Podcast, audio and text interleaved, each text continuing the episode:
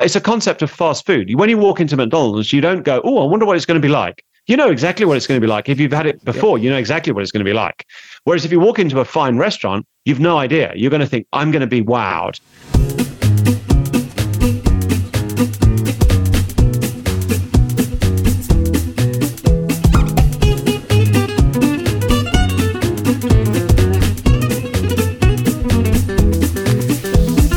Hej och välkomna till Mera Vinpodden. Jag heter Lars Jag heter Jennifer. och idag har vi med oss en gäst och det är inte någon annan än Master of Wine och vinmakare Richard Kershaw. Men det här kommer att bli på engelska eftersom han är från Sydafrika. Så nu går vi över till engelska. So welcome Richard. Thank you. Good to be here. How are things down in South Africa?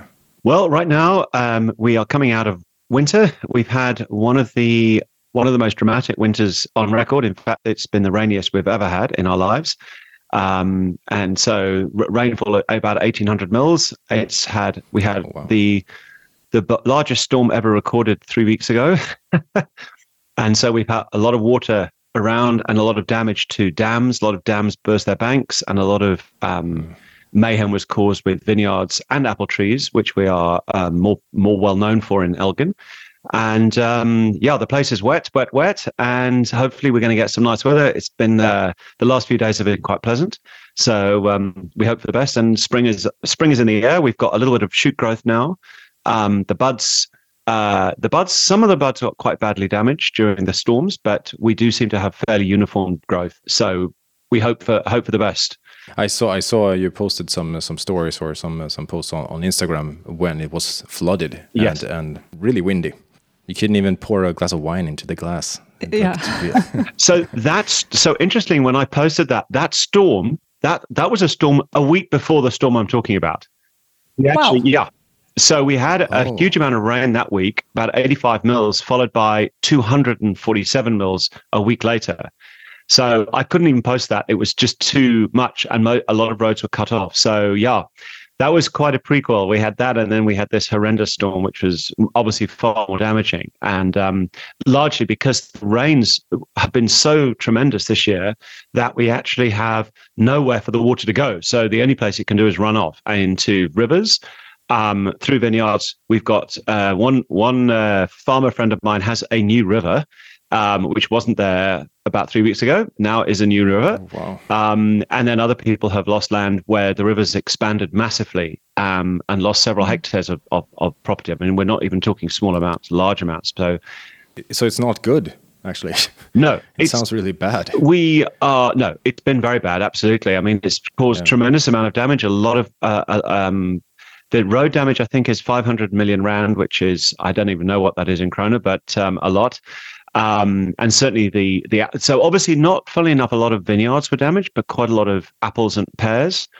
There were people who lost hec- hectares of pears. So there, with all the damage probably, and all the, there were nine dams that burst their banks. So basically about another 100 million rands just for, you know, fixing that and all the roads that were damaged. We've got, we are actually cut off. We, we have four passes to get into Elgin because we're on a raised plateau and three of those are effectively closed. So we only have one way in and out at this, at this current moment. Oh. That's that's crazy. Yeah. So you're based in, in Elgin, or is it called Elgin? So um, I've been based in well Elgin, um, and when I first came here, there was a certain lilt from the Afrikaans terminology that I assumed it was Elgin. But um, my daughter attended the uh, my, my my eldest daughter was in the grade one. She attended the school, came back, and informed me um, in her particular voice that actually I was wrong, and it's Elgin. Gin, and woe betide if I was to perform it incorrectly next time. So I have not veered from that or wavered and called it Elgin. Yeah. Yeah. We're, we're going to try not not to upset your daughter in the Yeah, future if she yeah. ever listens to this podcast. Exactly. So Elgin, it is. Yeah. Okay, so um, something uh, about your background. Um, So you're a chef So yeah, who be- who became a winemaker and then a master of wine. Correct. So actually, so my background is that I um, I'm originally from the UK, from Sheffield, so an industrial heartland in the middle of England, which doesn't really have any particular pretense to wine nor anything else of that nature, and um, more felt more well known for the for the for that 1990s movie, The Full Monty. Um, oh. So. So it was effectively being a stripper or actually going to make wine. And um, uh, luckily for, for my family, I chose the latter. And um, the idea was that, yeah, I, I originally wanted to become uh, involved in cooking. I, I love cooking. And so I actively pursued a career of a chef. I actually did the um, exams, worked in a, worked in a couple of restaurants. But during that period, like all, like all things, I needed to also be able to serve wine as a sommelier and be able to understand and converse with wine with with the you know with the diners.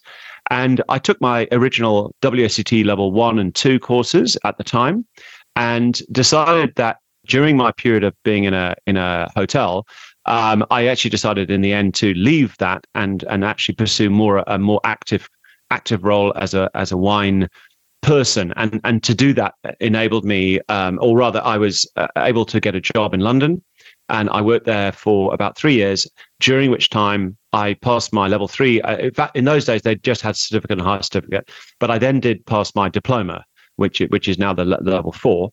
And I even had a stab at the Master of Wine. I was very young, I was very headstrong, foolish, and opinionated, like all 24 year olds are, um, ready to change the world. And whilst I did quite well in the exam, and I would have been very young to pass it, I didn't pass.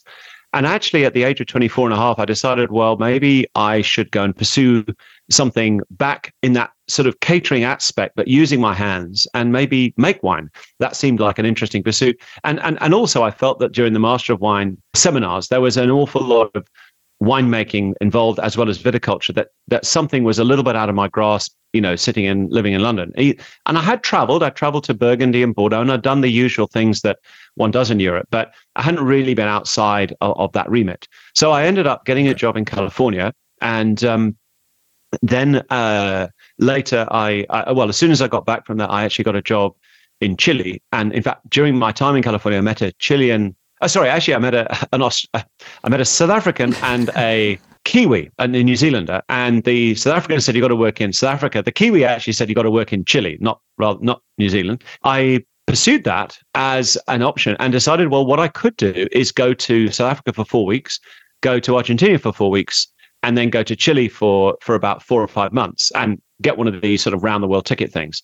And that's what I did. And during my sojourn in in South Africa, I ended up found, finding a um, beautiful lady who I fell in love with. Um, I traveled to Argentina. I was only there for obviously the four weeks. Got to Argentina.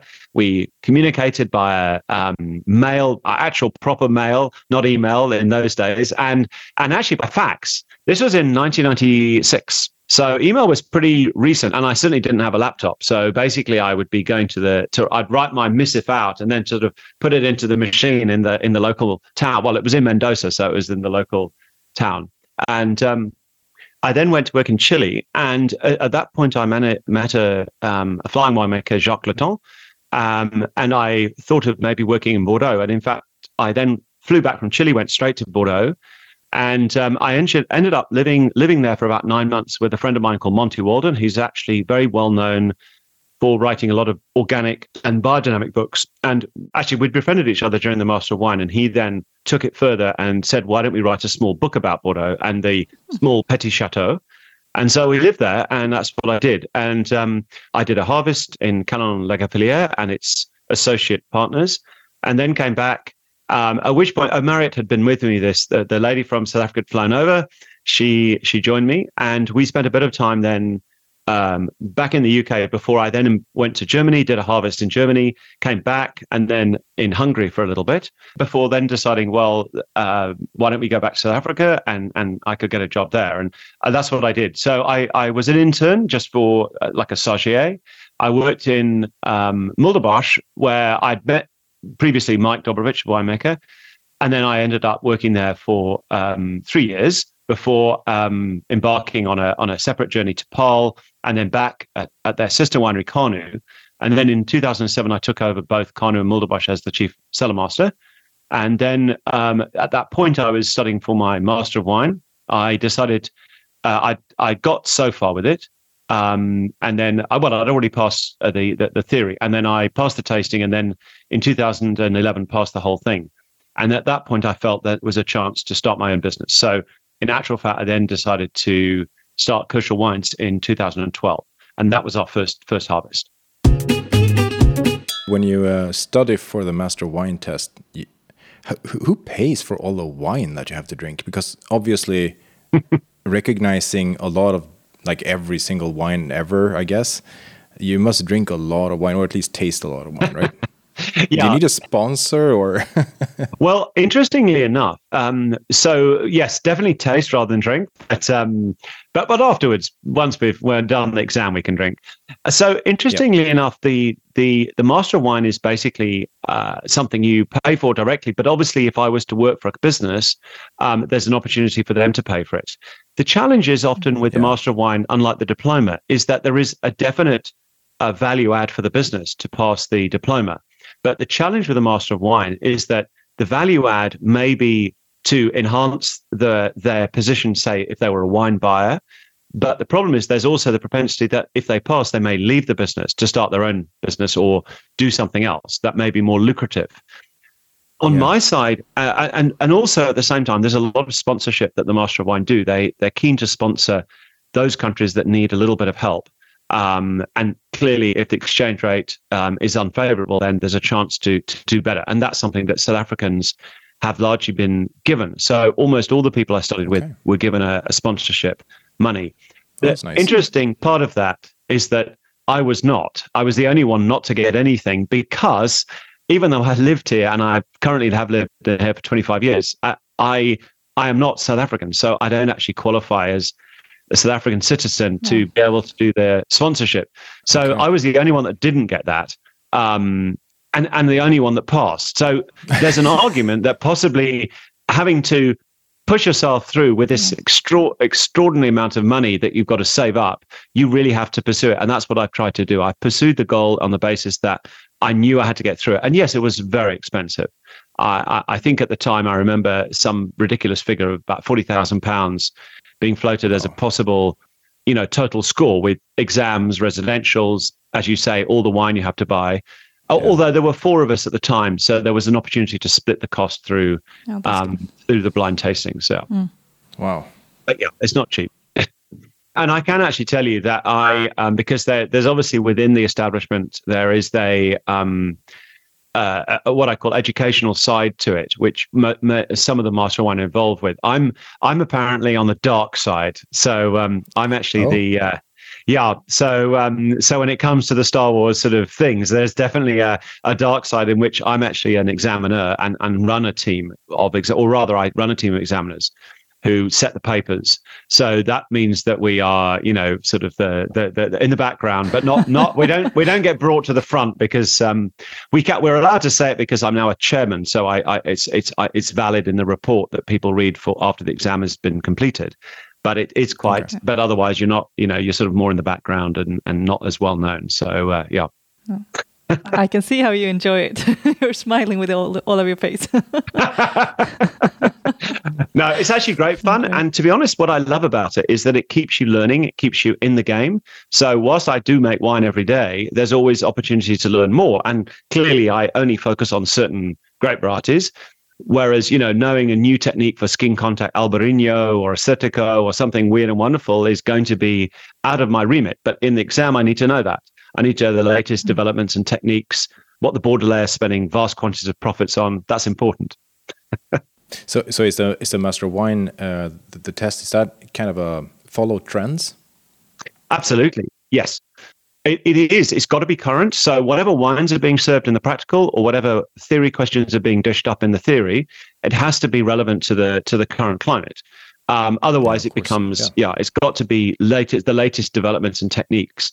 Um, and to be fair, those the those sitting the practical have a harder job than people last year and the year before and when I passed and, and those that passed before me because you know back in the day in the in the sort of you know last century there was definitely an emphasis on the old world and that emphasis was very strongly French orientated and the new world was simply a, a sort of an outlier with quirky, interesting wines. Now there are indistinguishable new and old world styles where, you know, nobody would know the difference. And in many cases would find, you know, Burgundy to sometimes be richer and fruitier and bigger because of the climate change. So it makes the mm. whole thing quite um, challenging and, and, and harder. So they have to set the questions differently and, and ask different sort of angles because it is harder. You know, you, you it's not as straightforward as it used to be.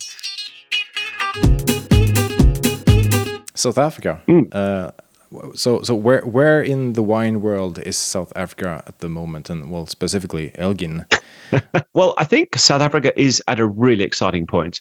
I think we are sure we have commentators that tell us that, but I think generally, if you look around the world, and I'm lucky because, funnily enough, with the Master of Wine, I spend a lot of time traveling the world, going to a lot of wine regions, um, uh, uh and, and and experience what they're doing, what young young people are doing, you know, and when I say young, so younger winemakers trying to trying to change things.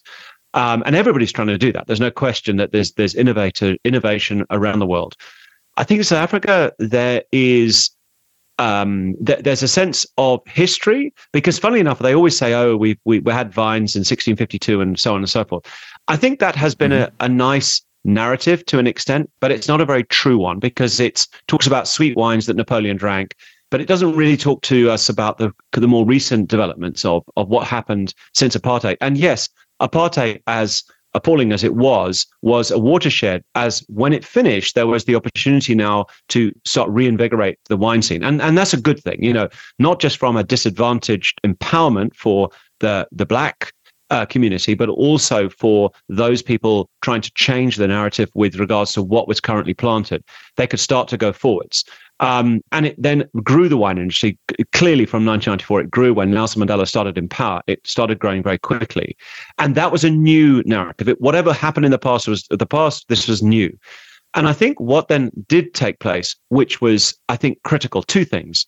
The first was as we came in late um, after so, sort of Australia, New Zealand, what was happening in California, to an extent Chile, those markets ended up being slightly more segregated in a particular way or format than South Africa did. So what I mean by that is that if you sell a wine in from Australia, you tended to notice that the biggest three companies tended to dominate 50 to 70% of what was being made. In the same way, California, you know, Gallo and the time Canandaigua, and, and now you could say others, they dominated the market. But there was a good synergistic realization here because the supermarkets that were buying them in, in overseas markets, either in the US, UK, or, or, or wherever, had the opportunities to buy those 70% at good margins. And they were able to fill the shelves correctly and well with those sorts of wines. Um, then the independents, the 30%, were able to be quirky and different. They were able to fill the upper tier, like in the Systembolaget the sort of more quirkier styles um, in a different area, and of course the independents in places like the UK and, and Germany and, and, and the US. So in a way that would work quite well because those big wineries could could at least produce lots of wine and they gave good brand visibility to those wines. That's why Chile has done so well. Um, South Africa has struggled a little bit. We don't have the the big three, and our big three is really only 32% of the market. So it's quite a lot smaller. And therefore, that meant that other entrants in the market could arrive. So that that en- enabled that. For example, the biggest brand or available brand would be clearly one from the big three in most countries. But the biggest brand in South Africa was actually from a private winery that was just hugely successful.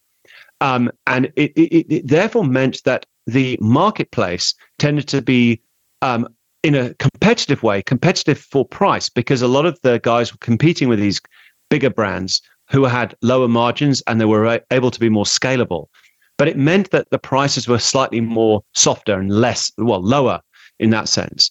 So there was a need to really find export market, and that's what South Africa did very successfully. They did find an export market, but in doing so, they found their wines being sort of the cheaper end of the scale, and therefore the value brand was where South Africa lay, and was happy to lie there for a long, long time because we had a lot of those wines available.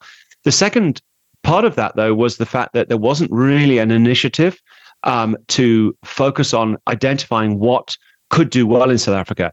I'm not to say that was a wrong approach by WOSA, but it was just that, you know, when you look at what Australia did with their regional identifications, Chile more lately, and clearly what California did with their AVAs, they started to identify areas and regions that did did have superb hero wines and grape varieties that seemed to do very well, and therefore push those up and give them give them air and and and, and uh, to breathe and oxygen to to to to really show the w- world. Whereas South Africa didn't really do that. We tended to have wineries that made a plethora of wine, uh, or smorgasbord of wine, to use a more Scandinavian term, that tended to be everything, trying to be all things to all men and women, and not really very focused. Now, that's not a bad approach to start with as you grow, but it starts to become a problem when you want to add value and make signature wines or more, more, more, more, um, more expensive wines because you, you, where do you go? Um, and therefore, what happened is the more high end wines from Australia and California started to get, you know, premiumization. They started to go into the stratosphere with price. Uh, Chile tried it with several projects like Seña and others, which which really pushed their brand um, higher. South Africa struggled a bit with that. There were a few here and there, but not not not not vast amounts. and, and and and and sort of the other problem was we didn't have the funding. South Africa is not um, highly funded by the government, which is unlike a lot of the other generic bodies. Um, the government seems to have a, a, a slightly ambivalent relationship. So, therefore, all funding has to be raised by producers on the ground, and that means the funding is challenging. And given it's in rands, once you start converting it to dollars and euros, you're in trouble. So there wasn't an awful lot of space to to promote South Africa.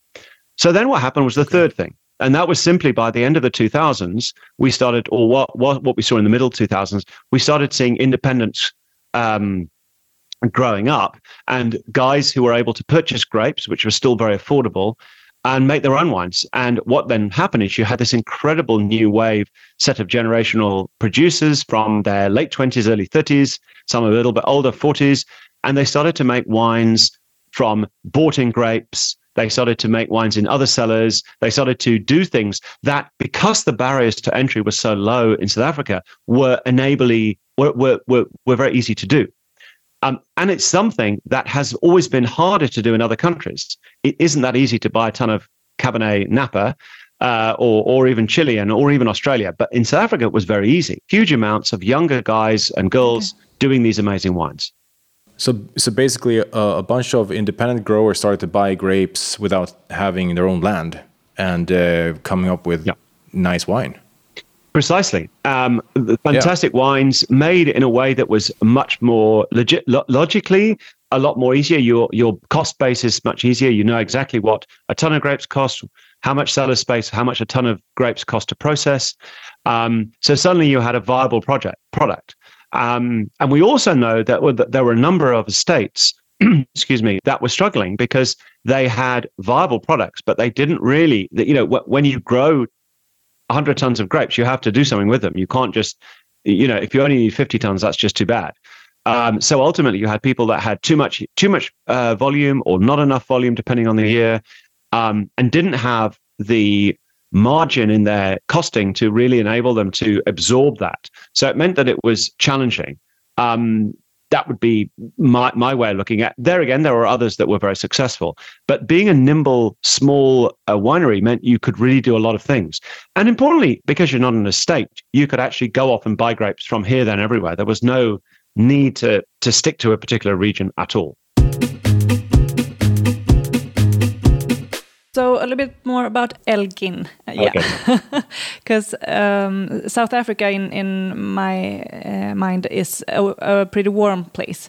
But you talked a lot about storms, and and I know you have a microclimate that's yeah. uh, really rare. Could you tell us a bit? Of course. So I think one of the first things to talk about with regards to, to climate is to just picture the fact that within South Africa we are surrounded by a lot of mountains in the in the Western Cape. There are general ones going north to south. There's some going east to west. We've got some more to, towards the coast, and largely they've been formed through different, um, obviously tectonic plate shifts, but also there's been um, a number of erosion and decomposition because the soils are incredibly old. Um, I mean, some of the sandstones are a billion years old. The granite's about 500 million years old, which means that they are, you know, of a of a Precambrian sort of um, age, which means that they are, you know, super, super, super old. So the sea and the mountains and the general topography mean that within regions you get vast differences. And and to put that into perspective, as I alluded to in Elgin, we are sort of more like more like Burgundy, and I'll go into more detail in a moment. And as we know, Burgundy is southeast of, of Paris. If you travel from Burgundy to Bordeaux, you are going to be traveling about six, 700 kilometers, and you will slowly move from what is Pinot and Chardonnay up to Cabernet blends or Merlot blends. For me to drive to Stellenbosch is 50 kilometers, and Stellenbosch is all about Cabernet blends. So, what is the difference? Well, it's just because we're going over mountainous territory, over mountains, over passes. And I can tell you that even where I stay, um, we can be in the in the summer uh, in and December is a sort of December, January, February is our summer. We can be at about um, 14 and a half degrees and it's raining. And I go over the mountain to, I remember doing this in December.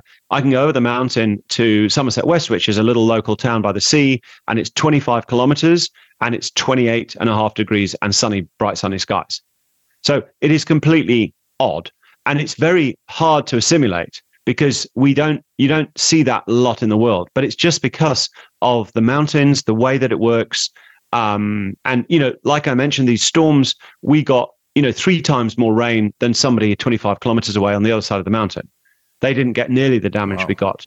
And it's quite extraordinary just how it works. And it's largely to do with how the mountains range forms how it how it encapsulates the the cloud and the cover and the wind and then how it sort of works out. So yeah, basically that's that's how uh, South Africa is. I would also also add to that, going back to my earlier discussion, is that that's what's had a, an impact on how we have sort of uh, elucidated what grapes are more suitable for which areas, because obviously you know we we have such dramatic differences that some areas are simply better suited but yet you only go 20 kilometers south or even five and also already different grapes are more suitable um, Stellenbosch, for example, is quite different from north to south. It's, there's quite a clear difference, and you can see that in the even in the cabernets they make.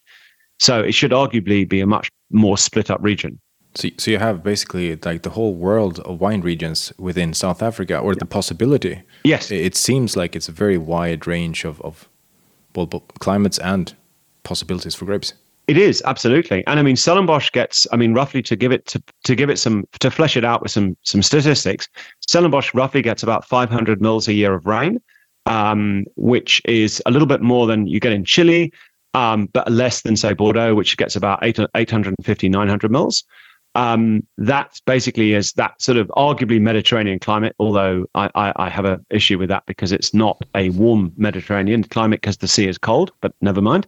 Um, there you've got 500 mils. If you go to the Swartland further to the west or northwest, you are in about, you're getting average rainfall of 300 mils, which is really quite low, um, given that the vine needs 275 to survive. Um, as you come over to the over the mountain, um, in Elgin, we are at about 1,050 mils of rain. Um, that is uh, not just more than Burgundy, which is 650. Um, we are more than Seattle, London, Paris. Um, this is quite a lot of rain, and this is not a small amount of rain. Um, forgetting this year, of course. whereas more like the west coast of Scotland. But anyway, um, the main premise being is that that rain is having an impact because it's going to be falling not just in the winter, it falls in the summer, but mostly obviously winter, spring, and autumn.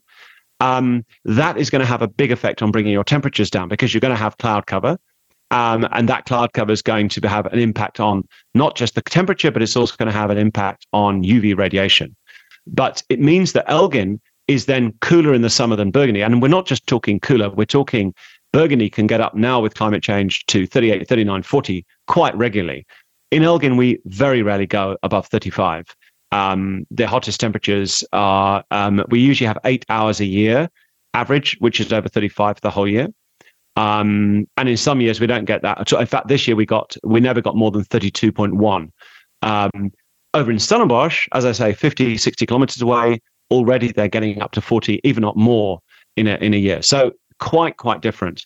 So maybe if I just going to go through why climate is such an important feature, I can talk a little bit about Elgin. But Elgin is an incredible area because it's it's surrounded by mountains that bear about 1500 meters from the back up to about five 600 at the front and it's in this like bowl shape sort of like a I, I call it a, a raised saucer where you've you've got high peaks around you, and the average height of the valley is about three to 350 meters. Um, so it's definitely higher than normal. We have proximity to sea, we're about between nine kilometers and up to about 20 kilometers from the sea. And we have the effect of the sea during the summer, even when it's warmer, we have that sea breeze coming in from two o'clock. But importantly, we have this cloud cover. And this cloud cover is really important because because the southeaster is our predominant wind, we get a lot of um, the, w- when you read about South Africa, people talk about the Cape Doctor, and it's this quite strong uh, ameliorant wind. It tends to ameliorate the temperature downwards a little bit um, in places like Stellenbosch um, and, and a little bit in Somerset West. Uh, but that change in temperature um, is not that much. But more importantly, it tends to blow everything. So obviously, it dries the vine to to give it uh, the opportunity to be healthy. Lacks um, obviously, you don't get the um, uh, you know the, the the disease and everything, which is a good. So it's a good thing. Um, but it can break shoots as well, which can be bad as well. In our region, literally, as I say, 50, 60 kilometers away, it actually gives us cloud, cloud cover. And it's like a lid, it sits above us. And that means that the temperature drops quite dramatically. Um, we don't get as much of the wind, but we do get a little bit of that relative humidity, which you're going to have an increase from the 40% of Stellenbosch up to a 65, 70% humidity, which can then lead to issues more with mildew and obviously in season rot.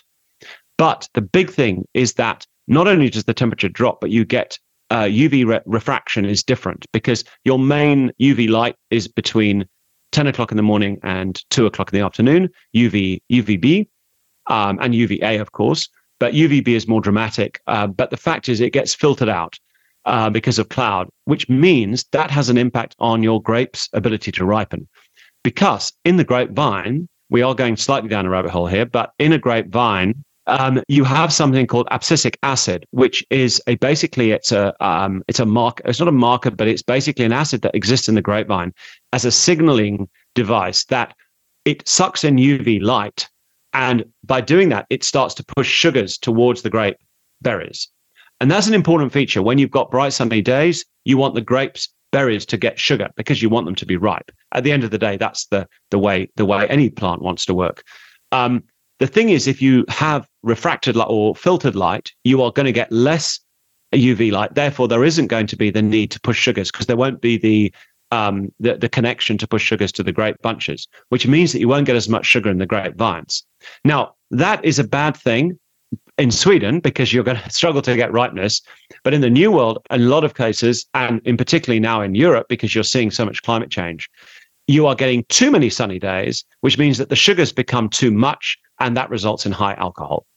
Whereas in a, a place where you've got filtered sunlight, you're going to get less sugars and therefore less potential alcohol. So our region tends to have alcohols more to from 12 to 13 and a half up to 14, not 13 and a half up to 15 and a half. So that But so you get the the fruit ripeness but not the sugars. So then, yes, the second part of the equation, as you rightly say, would be the phenolic ripeness. So that sort of phenolic or physiological ripeness, that maturity is taking place regardless of the temperature and the weather. It takes place, but it's ripening tannins. Um, the important thing here, though, is, and it's important to differentiate between red and white here. It does ripen the white tannins too, clearly, but they're less noticeable because we're not leaving them on the skins. But what it does have an impact of is it has an impact on certain flavonoids which is the second part of it for, for Chardonnay and for Syrah, as well as Pinot. But you get a flavonoid or flavonoid in um, Chardonnay, which is called a norisoprenoid. And norisoprenoid is basically a character or flavor profile or flavorant that is emerges from the grape to make the grape more tasty and then you get more fruit into your glass when you actually pick it or you get more more elements of fruit it's not fruit per se, but it's just elements that make it more interesting. And to get norisoprenoid development is a positive thing. The challenge is, is that it doesn't start producing norisoprenoids unless the vine is being signaled that the onset of winter is approaching. So, how that translates is that if it's late summer, i.e., we're in end of January, February, we're not going to get that because at this point, there's plenty of um, plenty of sunshine around to ripen the grape. and the development of norisoprenoids will not be needed. Um, but you've got to, and you have to think of it a little bit. You've got to re- pretend the vine is a marketing company um, trying to sell a product. The vine is the product, and the sale, the, the sales team and mar- sales and marketing are wanting to attract the customers, which is birds. The birds, I mean, because we're trying to propagate the vine. The vine's instinct is survival. It's not interested in us. It's interested in the birds propagating it and then putting that vine um, in their droppings somewhere else. So the marketing department basically realizes, hang on a sec, it's now late February. It I can feel the season changing.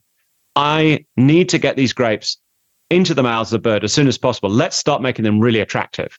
So they release the norisoprenoids. The birds then do eat some of them, sadly, but it also means that by the time we pick them in March, they are full of flavor and full of interest at a lower potential sugar.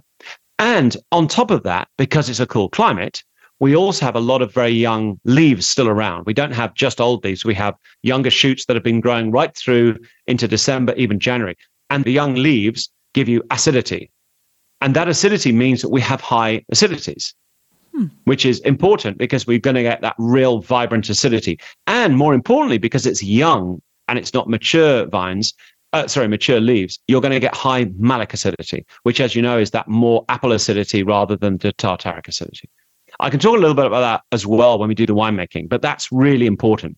So you get a lot of different um, attributes being in a cool climate, and that to me is what makes it so different to, say, in a Stellenbosch Chardonnay or or somewhere else. That's a, it's a, it's a lot to take in for someone who never grows grapes and never thought of climate that complex. it's interesting. I will I will have to listen to to our own episode a few times to see if I get yeah, that I in so. the end sometime. Yeah, but I think huh. I think I saw you talking about um, uh, this marketing uh, agency before. Uh, is it the same? I think you called it C13 in that episode. Is that the same thing? Yeah. Yeah, so norisoprenoids are C13 alcohols. That's exactly right. Yeah. Okay. So yeah. if you can imagine, they are hexagon hexagons. Uh, sorry, like you would in, if you think back to chemistry, um, and you have um, these six uh, um, hexagon rings, and they have basically different things attached to them. And those those are and some of them are C13 alcohols, and they they are norisoprenoids. You also get that a little bit in Syrah with rotundone which is the black pepper character as well. That's a slightly different oh. um, uh, molecular structure, but it's it's a similar concept where you get that development later in the season. Um, okay, so it's not for all uh, different grapes; it's just for some of so, them, or so all of them actually do get that. So interestingly. Mm. You get certain, but but you see the thing is okay. So for example, Chenin Blanc also has norisoprenoids. Um, a Sauvignon Blanc clearly has thiol esters, which are sulfur bound, but you have thiol esters and you have um, obviously you have uh, metho- meth- uh, methoxypyrazines, which are the the green pepper characters, and they as they go forwards in the ripening, you get um, pyrazines. Then you get through to your um, thiols and and also a bit of tropical as well. Um, so those are part of that that that thing. They are different structures. They're not the same. They're just different things because the thiol esters are sulfur bound, and sulfur bound esters mean they have to be um, you mustn't oxidize them, which is why in Sauvignon you would make it in a reductive style. So you can keep that uh, sulfur bound thiol ester, which means you're going to get that lovely sort of flavor. You don't want to add oxygen, that would damage the, the, the compound or the molecu- mo- molecule. So that's slightly mm. different, but same principles. You get also in Riesling, you get certain uh, characters as well. But the thing is with Riesling, you get terpenes um, but some of those terpenes are not always advantageous. So whilst I'm talking about advantageous chemicals, you don't want certain certain terpenols because you're going to then end up with certain characters that are not as interesting. So certain fruit, if it's if it's not shaded, it gets a lot of light exposure, can lead to a um, a problem with um, kerosene would be the best term. I don't know what you would say call it in in Sweden, but but basically that petroleum kind of thing that you that is something seen as. I love it. yes. Okay. That is arguably seen as a negative because it's an AT, it's an atypical aroma, what they call ATA. It, it isn't something that it is good and can form later. There's argument something called sotolon, which is a different thing to be honest, but there's it's the argument that it will age t- typically early. So when you talk to German producers, they are not in, not in favor of getting that, but they do get that in some cases. So um, yeah, it's just there's lots of different things, and some people want some and some don't want them. Um, but yeah, most grapes have it. I mean, if you think of Cabernet that has also methoxypyrazines, clearly there we don't want them. We, we want them in Sauvignon Blanc, but we certainly don't want them in Cabernet because that would make the, the wine quite nasty. So again, you've got to look at certain ripeness levels. Um, so they're all different. There's all different constructs. Yeah. Just to back up a little bit, we yeah. found your Kershaw wines started to read read about you, uh, you know, things like that, and we realized like, okay, so you you grow Pinot Noir, uh, Syrah, and uh, Chardonnay. That's the three grapes that you focus on, right? Yes, we do. Yeah. So effectively, yeah. Uh, those are the three most important. Um, obviously, we I personally don't grow them. I, I work with growers that grow them. Um, and we also make a few wines that um, I don't think they've been in the Systembolaget but po- possibly in, in, the past from outside of Elgin. And there I have a, a wine, a Sauvignon Semillon wine as well, a 50 50 blend. And that's made from Hemel-en-Aarde fruit, which is not far away either. And it's also a relatively cool climate like Elgin. And I make a couple of wines from there now. Yeah. And then clones. Mm. We discovered you like uh, you're really nerd about clones. Yeah, we, mm. we hear that every, every now and then. When you when you go to tastings, no one really talks about clones because it's I guess it's too deep into the wine rabbit hole. Yeah, but but you, you hear about it every now and then in like YouTube clips and, and some podcasts and, and things like that. And and then you realize like okay, if the different clones, like what clones do I like then? Like what is the typical taste? Is it from the clone? I mean, terroir, yeah, sure, but what about the clones? Like, how many are there? Like, what do they do? What do they taste like? Are they different? How do you find them? What do you have? what do we have? Yeah, um, I think what I'm going to do is, um, I, I, well, to answer the middle question, I think was, um, yeah. So basically, if we look at clones of Chardonnay or Pinot, it doesn't matter. But if we look at those clones, we need to take uh, also a step back because um, what I am always keen to, um, uh, you know, elucidate on from my perspective is where they fit in and then what their flavor profile does to change and twist the twist the, the wine. To your terroir point, terroir is or, or the best English term would be a sense of place, i.e., the grapes are grown in a particular environment which produces grapes with a particular character. We've spoken just now about climate. And if I was looking at it, if I was taking 100% or 100 points I, and I had to allocate everything, I would say climate is 50% or 50 points. There's no question that you can't grow grapes in the wrong climate, as we can see testifying in certain parts of the world. Um, if it's too hot or too cold, it's not going to work, regardless of the beautiful soils that you've got. It's not going to work. So 50% or 50 points is your soil. Is, sorry, is your is your climate. Then we can add on the other metrics. And that's where the, the, the fun begins. Metrics such as soil are going to add, say, 15 or 20 points. Why do I say that? Because to me, soil is overemphasized in the old world because we talk about it in a in a way that it has all these different impart it imparts all these different flavors. Well, we know there's no ability for vines to translocate flavors through the grapevine. That is psychosomatic, if anything, it's going to be a psychosomatic influence of limestone. I'm getting chalky notes in my glass. That's there's no more than that. It's not chalky. But what we can say about soils is they either are well drained, they can either hold water, they have a depth to them, they have a reflective ability if they're light or dark, and an absorptive quality as well. Those things are important. They're also going to have nutritional elements, or they're going to be leach soils and have virtually no nutrition. So, for example, very chalky soils are actually not that good because they actually don't have many nutritional aspects. What you want is limestone is good, but a little bit of something underneath it would help just to retain those nutrients to enable the vine to pick those up. So there's lots of different aspects. And I think we get too down that sort of terroir thing, maybe because in France that is highly emphasized. But I think soil is still 15 points. So where do we get the other points from? Well, we've got the vine growing itself and we've got the topography. Topography to me is really critical. The fact that it's south facing or west or east is really important because that's going to have a big, big impact on the amount of sun that it's going to get and the amount of sunlight and depending on the slope the amount of reflective and absorptive ability of the solar radiation clearly Um, one that's more impacted, or, or or if it's flat or on a slope, it's going to have a different amount of sun. And obviously, latitude will play a part. The further north or south it is, there's going to be less total sun, and the day length is going to be less as well.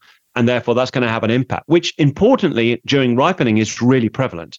If you imagine, once that sun has gone over uh, the equator on the 21st of March, in our sense, the days shorten quite rapidly. And you would know that. I mean, in Sweden, that you know, it, from the 21st of December, the days do get longer, but very, very slowly to start with. It starts to speed up really towards the back end of February. And then by March, it's pumping. Now you're really seeing noticeable day lengths differences. That's the same for our vineyards. Our vineyards basically are going to see much less sun because there's the, the day is so much shorter. That will have an impact on their ripening. So that is important. And Burgundy is going to be even more so because it's further north than, than we are south. So we're adding some points. Husbandry of vineyards, is it cane pruned? Is it spur pruned?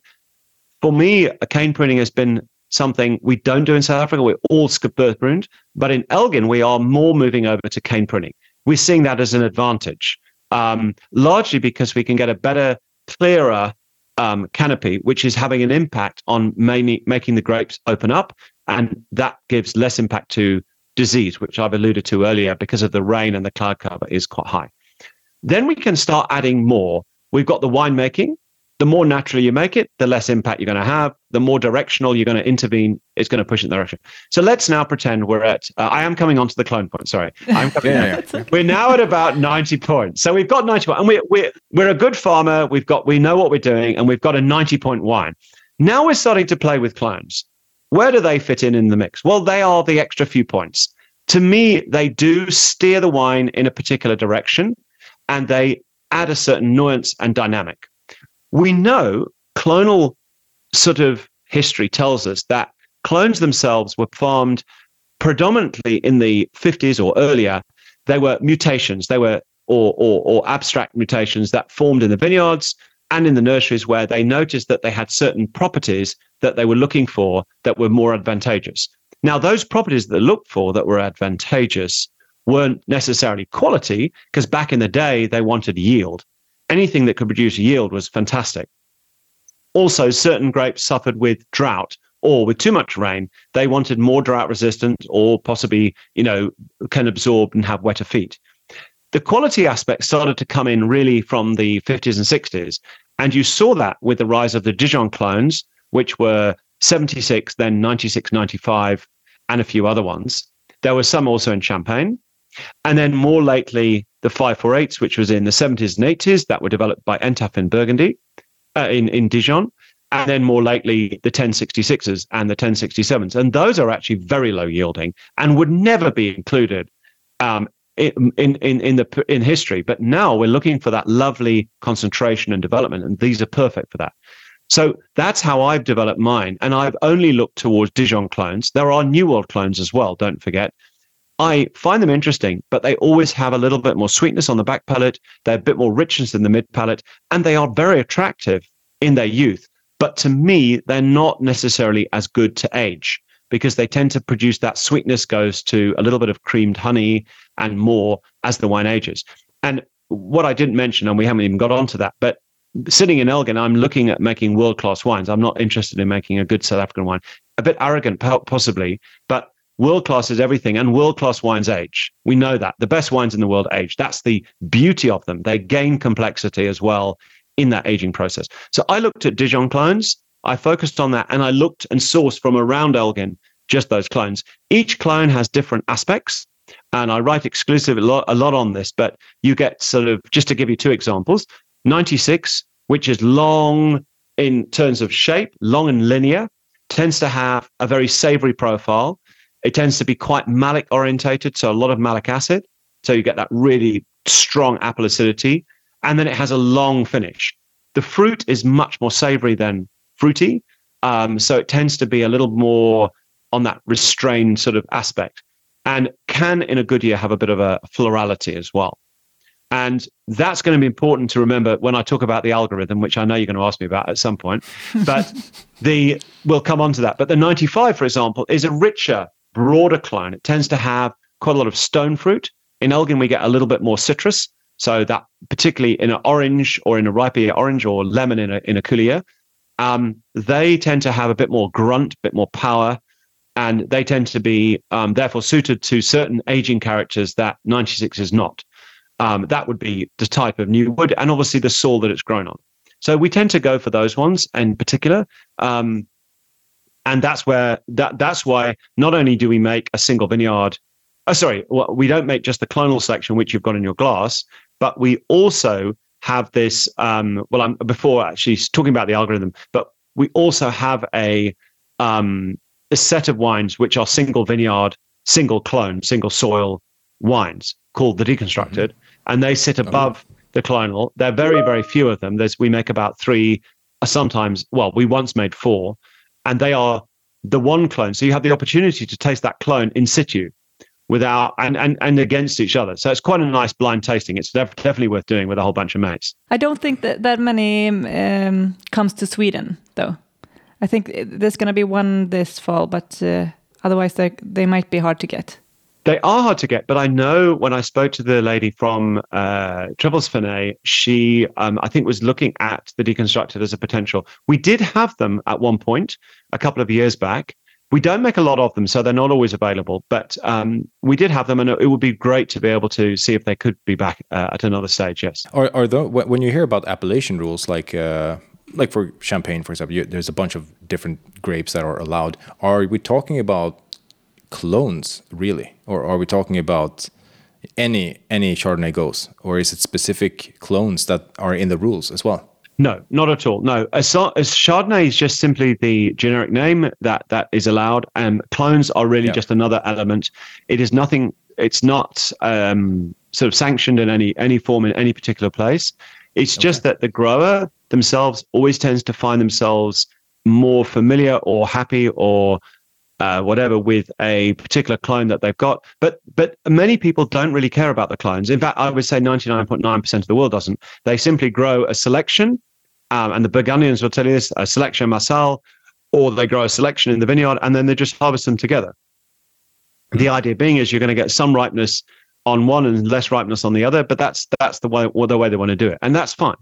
Um, I, I make a bit of a fuss about it because personally, I think there is a story behind the clone which is emphasized through into the glass from where it comes from. So, for example, is the fact that, as I alluded to earlier about soils, to me, if our climate is a cool climate, and we have got clones that Burgundy, Burgundy uses, and I'm going to take one particular clone, the 548, um, that particular clone is easily identifiable as 80% of white Corton Charlemagne in Corton itself, on the Corton Hill.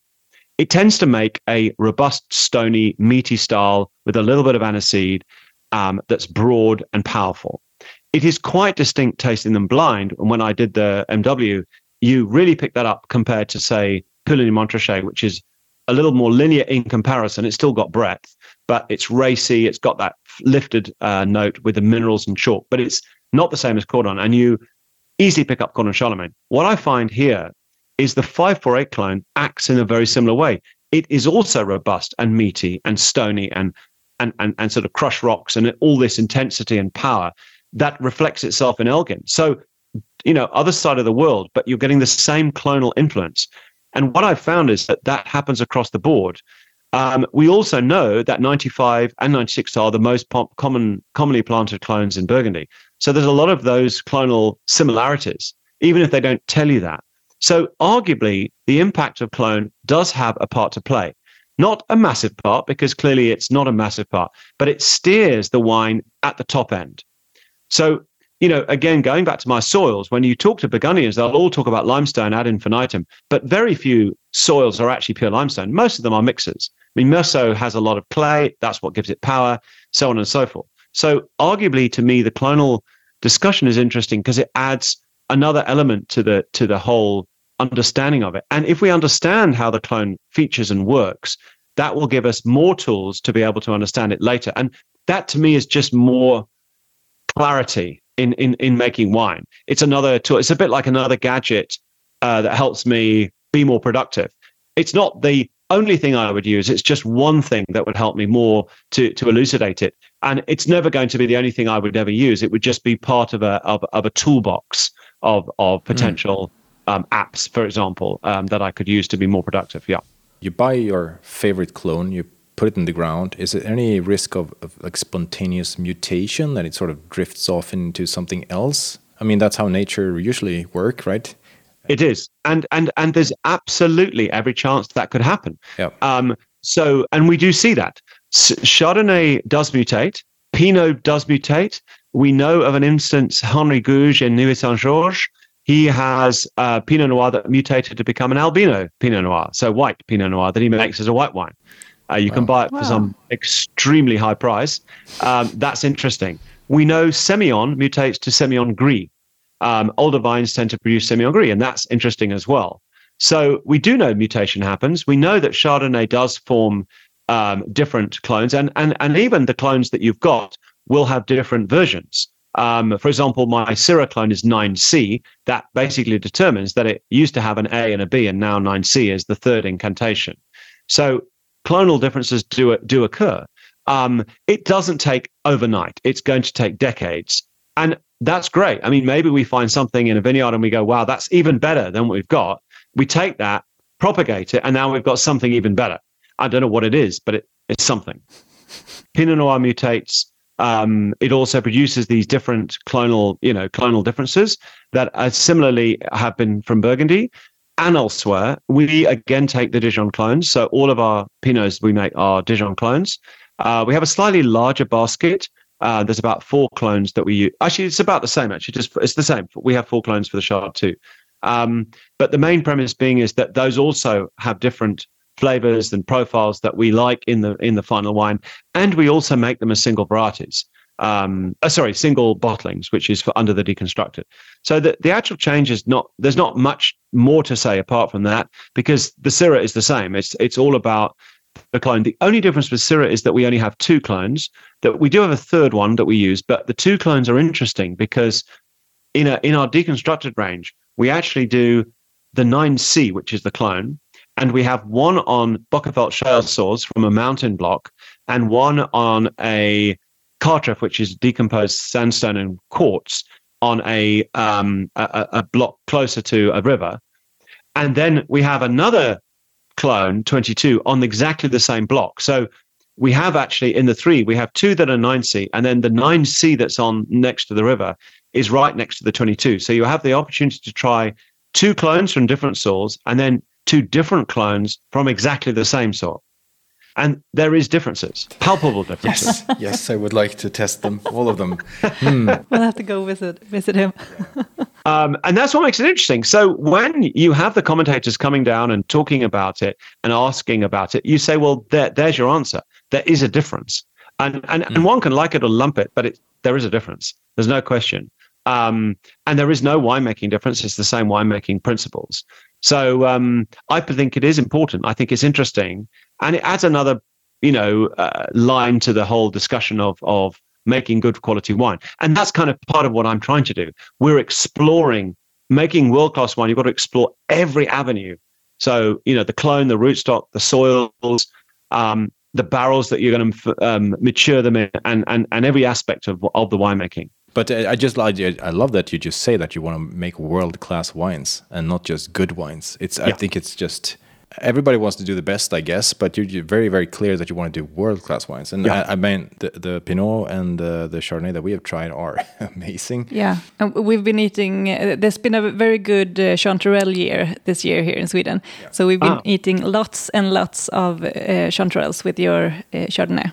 Ah, it, it, it, works like every single dish we've tried, like you know, on toast, perfect, and pasta. like with pasta, perfect. We did some some burned cream thing, yeah, uh, perfect. I mean, it it it's amazing. It's yeah, best Chanterelle wine we, ever. We have to stop picking Chanterelle because we were running out of, of Kershaw wine bottles. Yeah.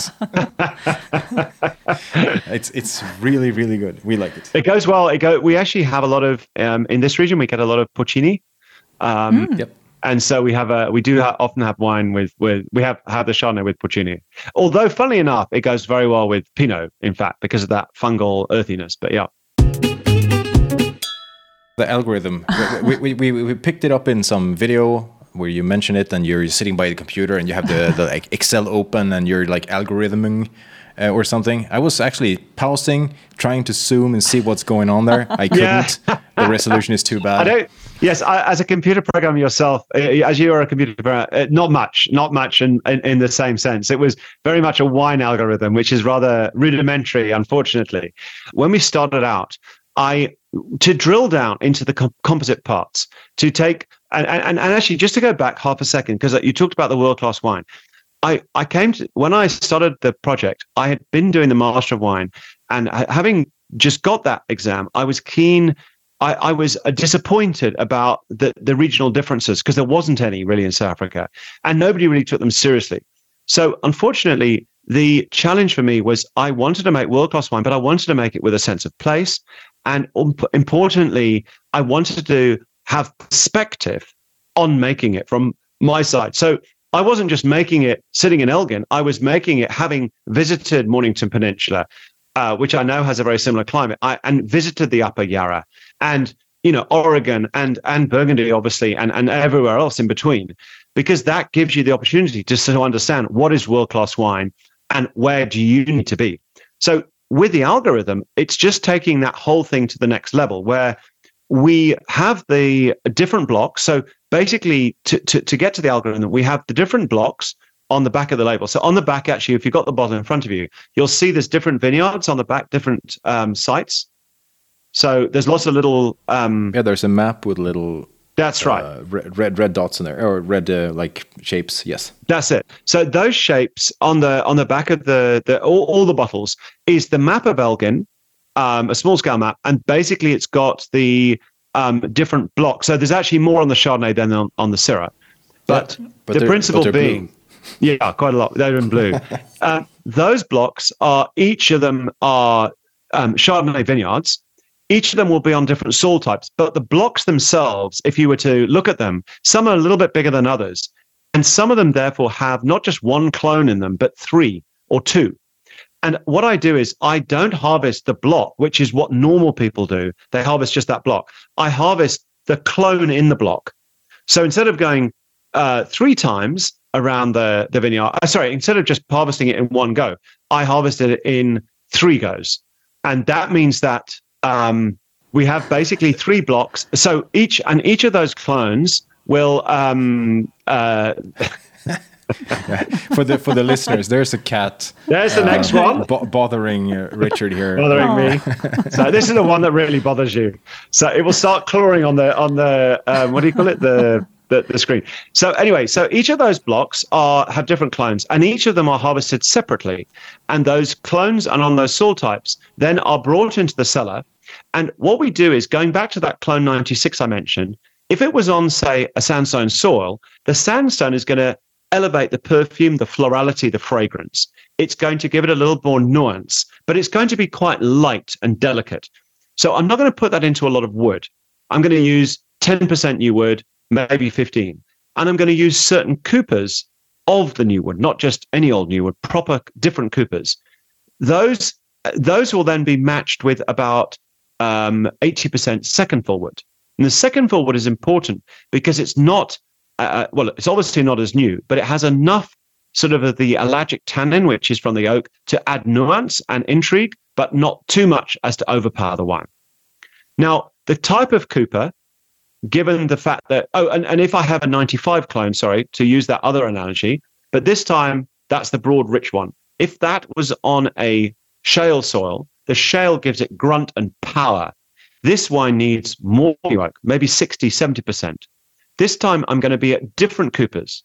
Um, I have ones called Tremo and Chassagne. The other one's different. So these will add more grunt and power, and they will be able to contain the, the clone on that soil type. Those will have less second fill and possibly more third fill. Third fill adding a little bit of subtlety to those particularly bigger flavors. Now, where that leaves us is I'm going to harvest 11 blocks, which is on the back of that bottle, but they're going to be 21 batches. That means that I'm going to end up with 21 different wines. Those 21 wines are all different. There's going to be ones that are 95, 96, 76, 5 for 8, Bokkeveld shells, gravels, sandstones, all sorts of different ones. So it requires a lot, a lot of work to work it out. So what uh, Dudley, who's worked with me, he's kind of worked out a little bit of sort of a bit of spreadsheet pokery or algorithm where we can work out where they're going to go and how then once they go to the where they go how they're going to how we then taste them and how those tastes are going to impact our ability to to work going forward because not all of them will work so we're going to be able to do a tasting note which is what we do we write a tasting note that tasting note, we can take the words or word cloud that, that, what the tasting note says and understand that block from a perspective of notes. In a way, for example, if we have lemon, let's say lemon comes up a lot, it's a good thing. I like lemon. We all like lemons, but we don't just want lemons. We want a bit of intrigue and diversity. So we don't want lots of barrels giving us lots of lemons. We want lemons and stone fruit, maybe grapefruit or whatever and other things, nuances of minerals and everything. The same thing, we don't want lots of minerals, we want lots of other things.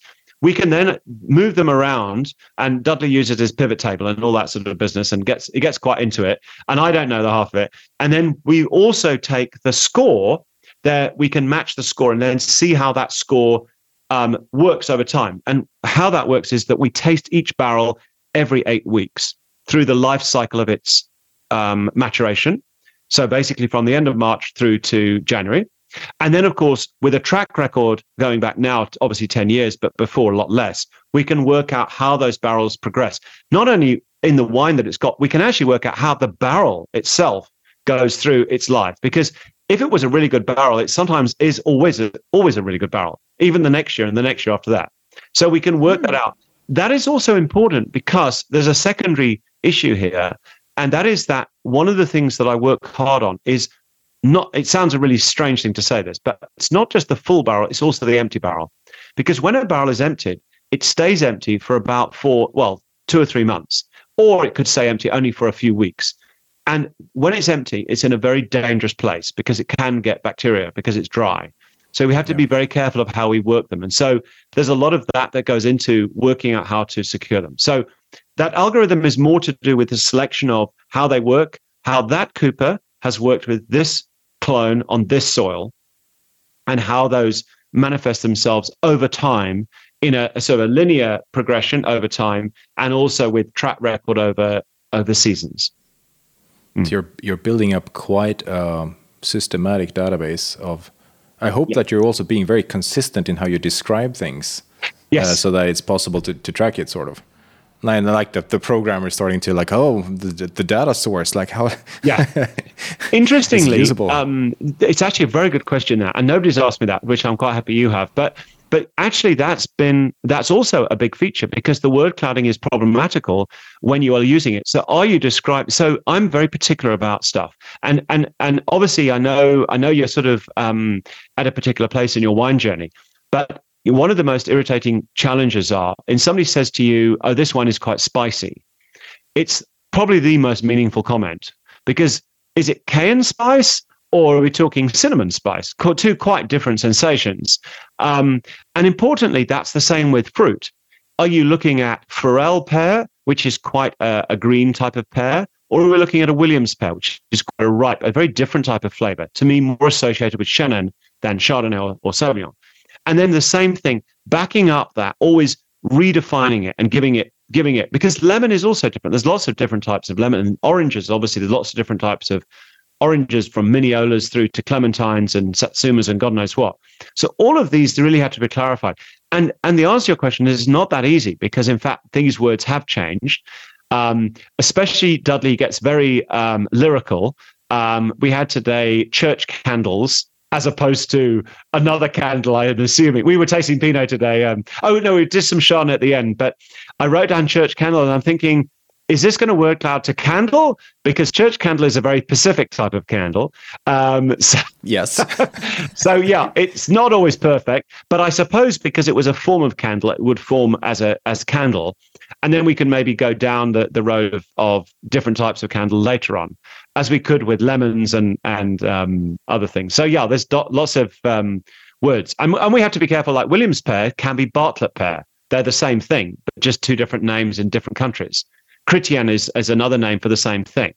Um, often seed more dried, and I, I get very into the food thing because I find it interesting. This is so interesting because I, I look when you when you when you go to tasting, you come back home with notes and then you put them in a pile somewhere and the next time you go to one of those meetings uh, or tastings you, i figured oh i'm going to compare that with the notes that i wrote last time see what i like and then you're just like spice fruit oh red fruit you know and there's like this is this gives me nothing Yeah. absolutely nothing so i threw them away Red fruits. I know It- red it's- fruits is great. So you could have had strawberries or cranberries, and they the sensation Yeah. would have been very different. Um, yes yes So yeah, yeah. No, I, Yeah. I it is challenging, and and of course it's very difficult because in an environment where you're tasting a lot of wines, especially when you're walking around a tasting, your ability to do notes is harder, and so often it's difficult, more difficult, and it and it's actually more meaningless because when you come back, you re- you realize you haven't written lots. So actually, one of the advantages, and and it's one of the things to think about. Um, which we also do, which I didn't, the other side of the coin, is to think of how to taste um, because there's three different ways of tasting. There's the common way, which uh, 80 or 85% of the world do, and maybe even 90%, and that is fruit tasting, i.e., you're looking and apportioning different fruits to different characters that you see in the wine. You're then technically tasting. This is a form that the winemakers take, i.e., they think it's a bit too acidic, so they want to reduce the acid, or it's a bit tannic, so they want to put a fining on it. So it's a, quite a sort of uh, interchangeable, not necessarily that useful. And then there's the technical um, structure tasting and that's the what I've learned through the Master Wine and, and and one learns through the WSET, where you're looking at the structural components from tannins, phenolics, acids, sugars, and that is going to be more important because the fact that it was full, if it was say, uh, say you had your red fruits, you said it's red fruits, but I've got it's full bodied with a firm, grippy tannin, describing exactly what it was, or granular tannin, then your your red fruits is like mm, okay so it's red fruits but it doesn't matter. It's probably likely to be a raspberry kind of thing rather than a light little strawberry. But it's less important because you know this wine is full bodied it's powerful the tannins were firm the acid was lemon edged or it was mineral edged or it was very soft. That's giving you much more criteria to understand the wine when you next taste it and you decide that it's a bit softer or it's aged a little bit more or the next vintage is a little greener or whatever it happens to be. So there's definitely a big thing and tasting is actually critical to to to get right. Yeah. Technical is really just for winemakers who basically and why that's important why i say that one because i work with winemakers. I, i'm a consultant for several wineries and i also do a little bit of teaching for winemakers about tasting because a lot of winemakers are not actually uh, they wine they've gone through wine school but they haven't actually done a lot of wine tasting. Or if they have it's not been done in a in, in a in a controlled environment in the sense that they're not uh, exposed to world wines. So what i tend to do is i do things like, like for example put a beaujolais village against a um a, a barolo from serralunga for example where you've got that very firm tannins and the very light tannins and get them to look and observe. Because the problem is just to give you a good example in the new world a lot of a lot, when we talk about tannins we talk often we we it's mentioned like uh, you know you try a um, a chilean merlot it's got sweet tannins. The sweet tannins are implying that they've got a an apparent sweetness not they're not actually sweet but that tannin basically gives you that softness and suppleness. And that's a nice thing because it's very drinkable if it's a chilean merlot. But if you give somebody from Chile or South Africa who's got a similar kind of wine, and you give them a Barolo from Serralunga, they're going to say that's a very bitter tannin. It's firm. It's it's it needs a fining. And you're saying no, it's supposed to be like that because it's it's got a particular structure and density of the wine and compaction to the tannin that with the wealth of fruit is in balance. It's just that it needs time, and over a period of ten years, it will age beautifully and become graceful. But if you are looking at it from a winemaking, you're not always very sure of that. You you look at it at the here and now, um, whereas technically or structure tastings, you're looking at it from the future. So there's slight differences. Yeah. Yeah, it's, it's a lot to take in, but uh, Yes, yeah, yes. yeah, Oh, it's yeah, very, sorry, yeah. very. But no, it, no, it also we drifted kind of No, no, but it kind of kind of validates some thoughts that I've had a few times, you know. And like I, I know what I like when I taste the Pinot Noir that I like, but I have no idea how to describe it. It tastes like the Pinot Noir that I like, and your wine tastes like the Pinot Noir that I like. But like no one's gonna understand that. No, and and and I think what what is also important is the the last part of the note is quality. Um, and that's obviously based on the tannin. You know, so we talk about if it's grippy or fine or blah blah blah. But what's the quality of tannin? Does that tannin persist in the mouth? Does it drop off? Does it build? And what's important with wine quality is that it's about balance, it's about length, and it's about complexity. So when we try a Pinot Noir, for example, if I've got a nice Pinot Noir from Marlborough, it's from a, a from a well-known estate or a reasonably well-known estate, it's costing me 10 euros or whatever. I'm expecting from that something that's quite simple, but it's going to be strawberry cordial, strawberry drink. It's going to have a soft tannin, a nice acidity, a little bit of fl- flavors, and it's going to be like drinking a soft drink. It's going to just slip down smoothly. But what's important, I'm going to be, I, I will identify strawberry as a particular character. It's going to be very, very strawberry like. That is the simplicity of wine in the sense that it's an approachable, easy drinking wine. And it doesn't, um, it, it, it doesn't mess with the head. It's, is, is what it is. Um, you know exactly what it is before you get it. The um, the it's a concept of fast food. When you walk into McDonald's, you don't go, "Oh, I wonder what it's going to be like." You know exactly what it's going to be like. If you've had it before, you know exactly what it's going to be like. Whereas if you walk into a fine restaurant, you've no idea. You're going to think, "I'm going to be wowed," and that's what fine wine is about. It's about complexity. It's about sniffing the glass and going, "Hmm, uh, it's got a bit of earth, but mm, it's also got something plum." It, you can't put your finger on it.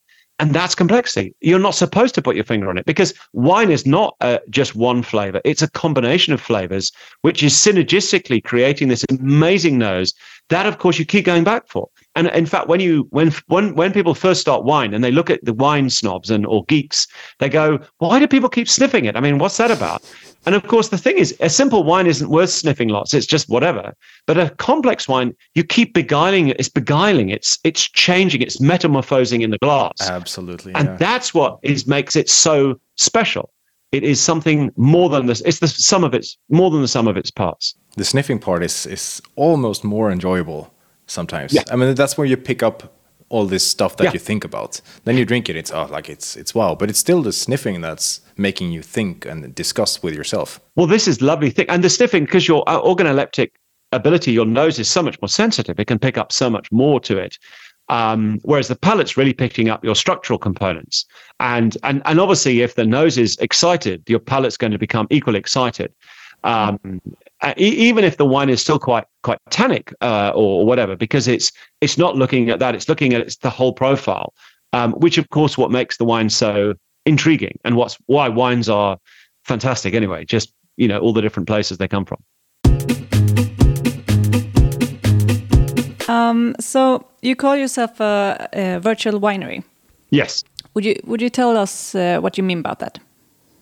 Yes. Well, that's actually kind of a very very simple to answer. Basically, virtual means that I'm not in. I don't own a la- own land, nor do I have a winery. So virtual means I can relocate to make my wine anywhere, and I can buy my grapes from anywhere as well. So I don't have a place of a fixed place of abode. Um, I'm I'm sort of more um, uh, well. I'm I'm not exactly nomadic, but I'm basically I use two cellars to make the wine, not, neither of which I own. So that's all I really mean by virtual. And there's a number of people who are now virtual winemakers working out of other people's cellars. So what what what do you think is the pros and cons with not owning anything? well, I, I think the so the pros of, of being virtual are that you can buy any grapes you want to. You're not hidebound by the estate rules by having your own farm. Yeah, so you can buy whatever you want. You can do whatever you want. You can buy the amount that you want, which is important. So if you want five tons, you can buy five tons. If you want 10, you can buy 10 within reason. Um, the ability you can make the wine any way you want, um, which is, I suppose, good or bad. It doesn't, I mean, sometimes actually having a wine is, is arguably better. But th- those things, and of course, you can do whatever you want. You can literally go, if I want to make a Swartland wine tomorrow, I can. I can just make a plan to go to Swartland, find some grapes, and off I go. The disadvantages or the advantage of the estate is, of course, um, you have the fruit on the estate. Um, so therefore, you know what you've got before you start. Now that's an advantage and disadvantage because maybe you've got fruit on the estate that's not that good. In which case, you've now got bad grapes that aren't that good, and you're going to make wine out of it. But at least you know you've got a consistent source of supply every year. But of course, you are also bound by the weather. If the weather is going to give you more or less grapes, that's what you make. So you are going to be up and down. Whereas if I if I had lower amounts of fruit, I could maybe find another buyer or another grower to buy extra fruit than I needed. So, but but you're, we're, we're also talking about clones before and like these specific blocks and stuff. So you must have some sort of influence over what they the the the, the, oh, the land that you don't own, but you mm. still sort of decide what they grow. Yeah, so we didn't talk really much about the viticulture, but yeah, what we do is I work with the farmers very closely, and in fact, there's two there's two two or three different ways. Firstly, we have a particular specification that we work from, and they need to adhere and follow that. Now, within that specification is very sort of broad, broad brushed approaches. But the grower we work with is we then have a, a viticulturalist, or sorry, a, a consultant viticulturalist who I have, who called a guy called Kevin Watt. He helps a lot with the farms that we buy grapes from. And if he doesn't help, they have a viticulturist or somebody who can also oversee certain things that may or may not be going right or wrong. So that helps. And then I have Dudley, who's with me, who is my right hand man. I've mentioned him before with the algorithms. He does a lot of work in the vineyards um, on uh, you know making sure that, that the vineyards are what they should be. Importantly, he used to work in uh, plant science previously, so he has a very good understanding of the vineyards. But I think lastly, which is really important, is the growers we work with are people we work with not just for a few years, but for well now many years, and we they're people that we understand and work with. They understand what we're wanting as well. I don't really, you know, when I work with a new grower, it will be for a very particular reason and it will be down a very particular path. It won't just be anybody because I'm not really prepared to do that. It's got to be people who I trust, who are going to do the work that I ask them to do and going to carry it out without me having to be there 24 7 because that's what I don't want. I want people to take their own initiative. And if that, if I'm paying them a good money for it, I, I would like them to then provide good grapes for me to buy. Yeah, and I think um, it must be a good a good startup thing to not own either wineries or or vineyards. Yes, actually, it's a very useful point to mention. And in fact, sorry that I didn't actually, I, I forgot that point. That was my, I knew that was the third point. So the second, that that point is really important. So if you imagine, if you're, if you've got, um, whatever, whatever krona, let's let's work krona. If you got a million krona and you're going to put that, put some of that into the into the building of a winery or some part of that, then that is a million krona less than you've got for marketing. And if you're a young winery, you need that tr- to travel overseas, to explore your market, get in touch, do whatever, you know, do face to face tastings, travel even within South Africa, and it costs money. Um, and therefore, that money is better spent on that rather than your building. You can do that at a later stage. I would like to, I have a piece of land and I would like to plant on that land and I would like to build a winery. But that will only come when it's suitable and there's a bit of spare cash or profit that we can put into that because it's a nice to have, but it isn't a have to have. It is something that we could do. So yeah, that's what that's why I am. Um, and yes, the logistics are also a nightmare because there's always a problem, and and I don't want my time taken up with those problems when I could actually be on the road uh, talking, or I could be sitting here talking on a podcast or whatever. Anything because this is about it's all about the marketing and and and about getting in touch with what you know what we're growing rather than worrying about whether the bricks were laid properly or not. I want to try your wines, even though I have tried them before. But we have poured um, one glass of Chardonnay and one glass of, of Pinot Noir 2020, because that's the our first our first meeting with your wines, uh, and it's the only bottle that we have found so far. They are on their way to Sweden as we speak, or they have landed in Sweden. The next vintage, 2021. So we, we want to try the, your wines, but we also like to know about your your range of wines, like particularly those that actually come to Sweden. But um, so so like the Chardonnay 2020. Yes. Yeah. What, what, so why is that so good? because it is. What, yeah. What, like what, what, Thank happened? You. So, um, well, I think the um, so stylistically, um, I don't try and imprint any style on it.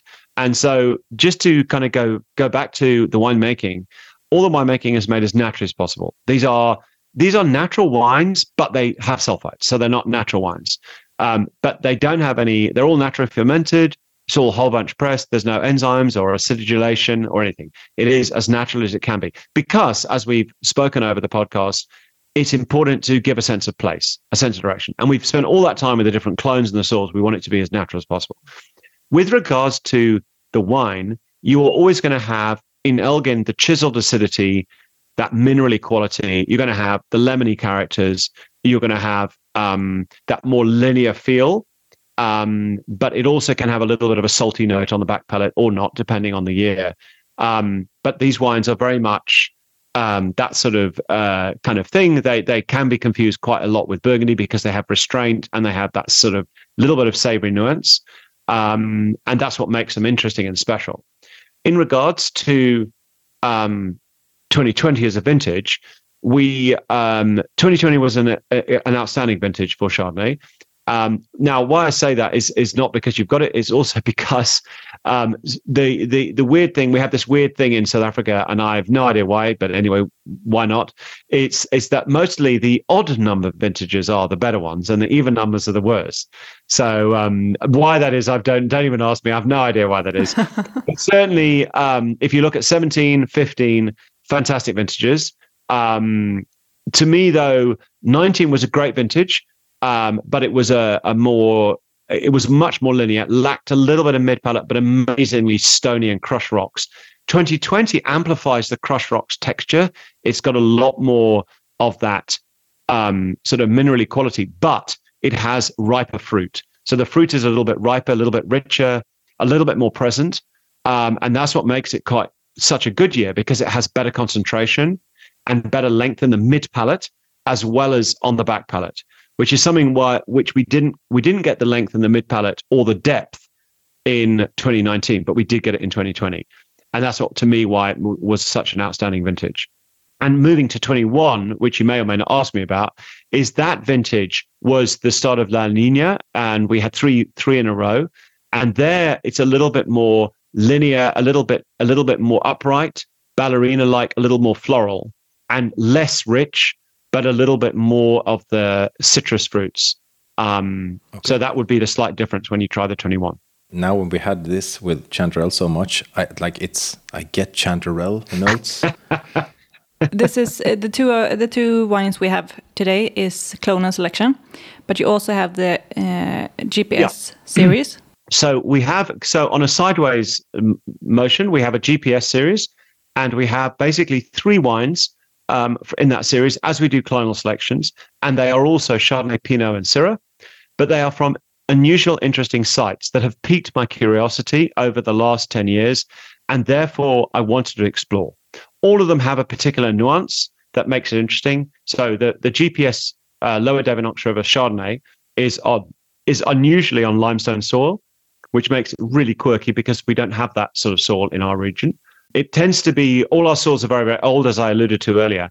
Um, so so having limestone is interesting, but it's about a 300 kilometer drive. It's quite a lot further from Elgin than anywhere else.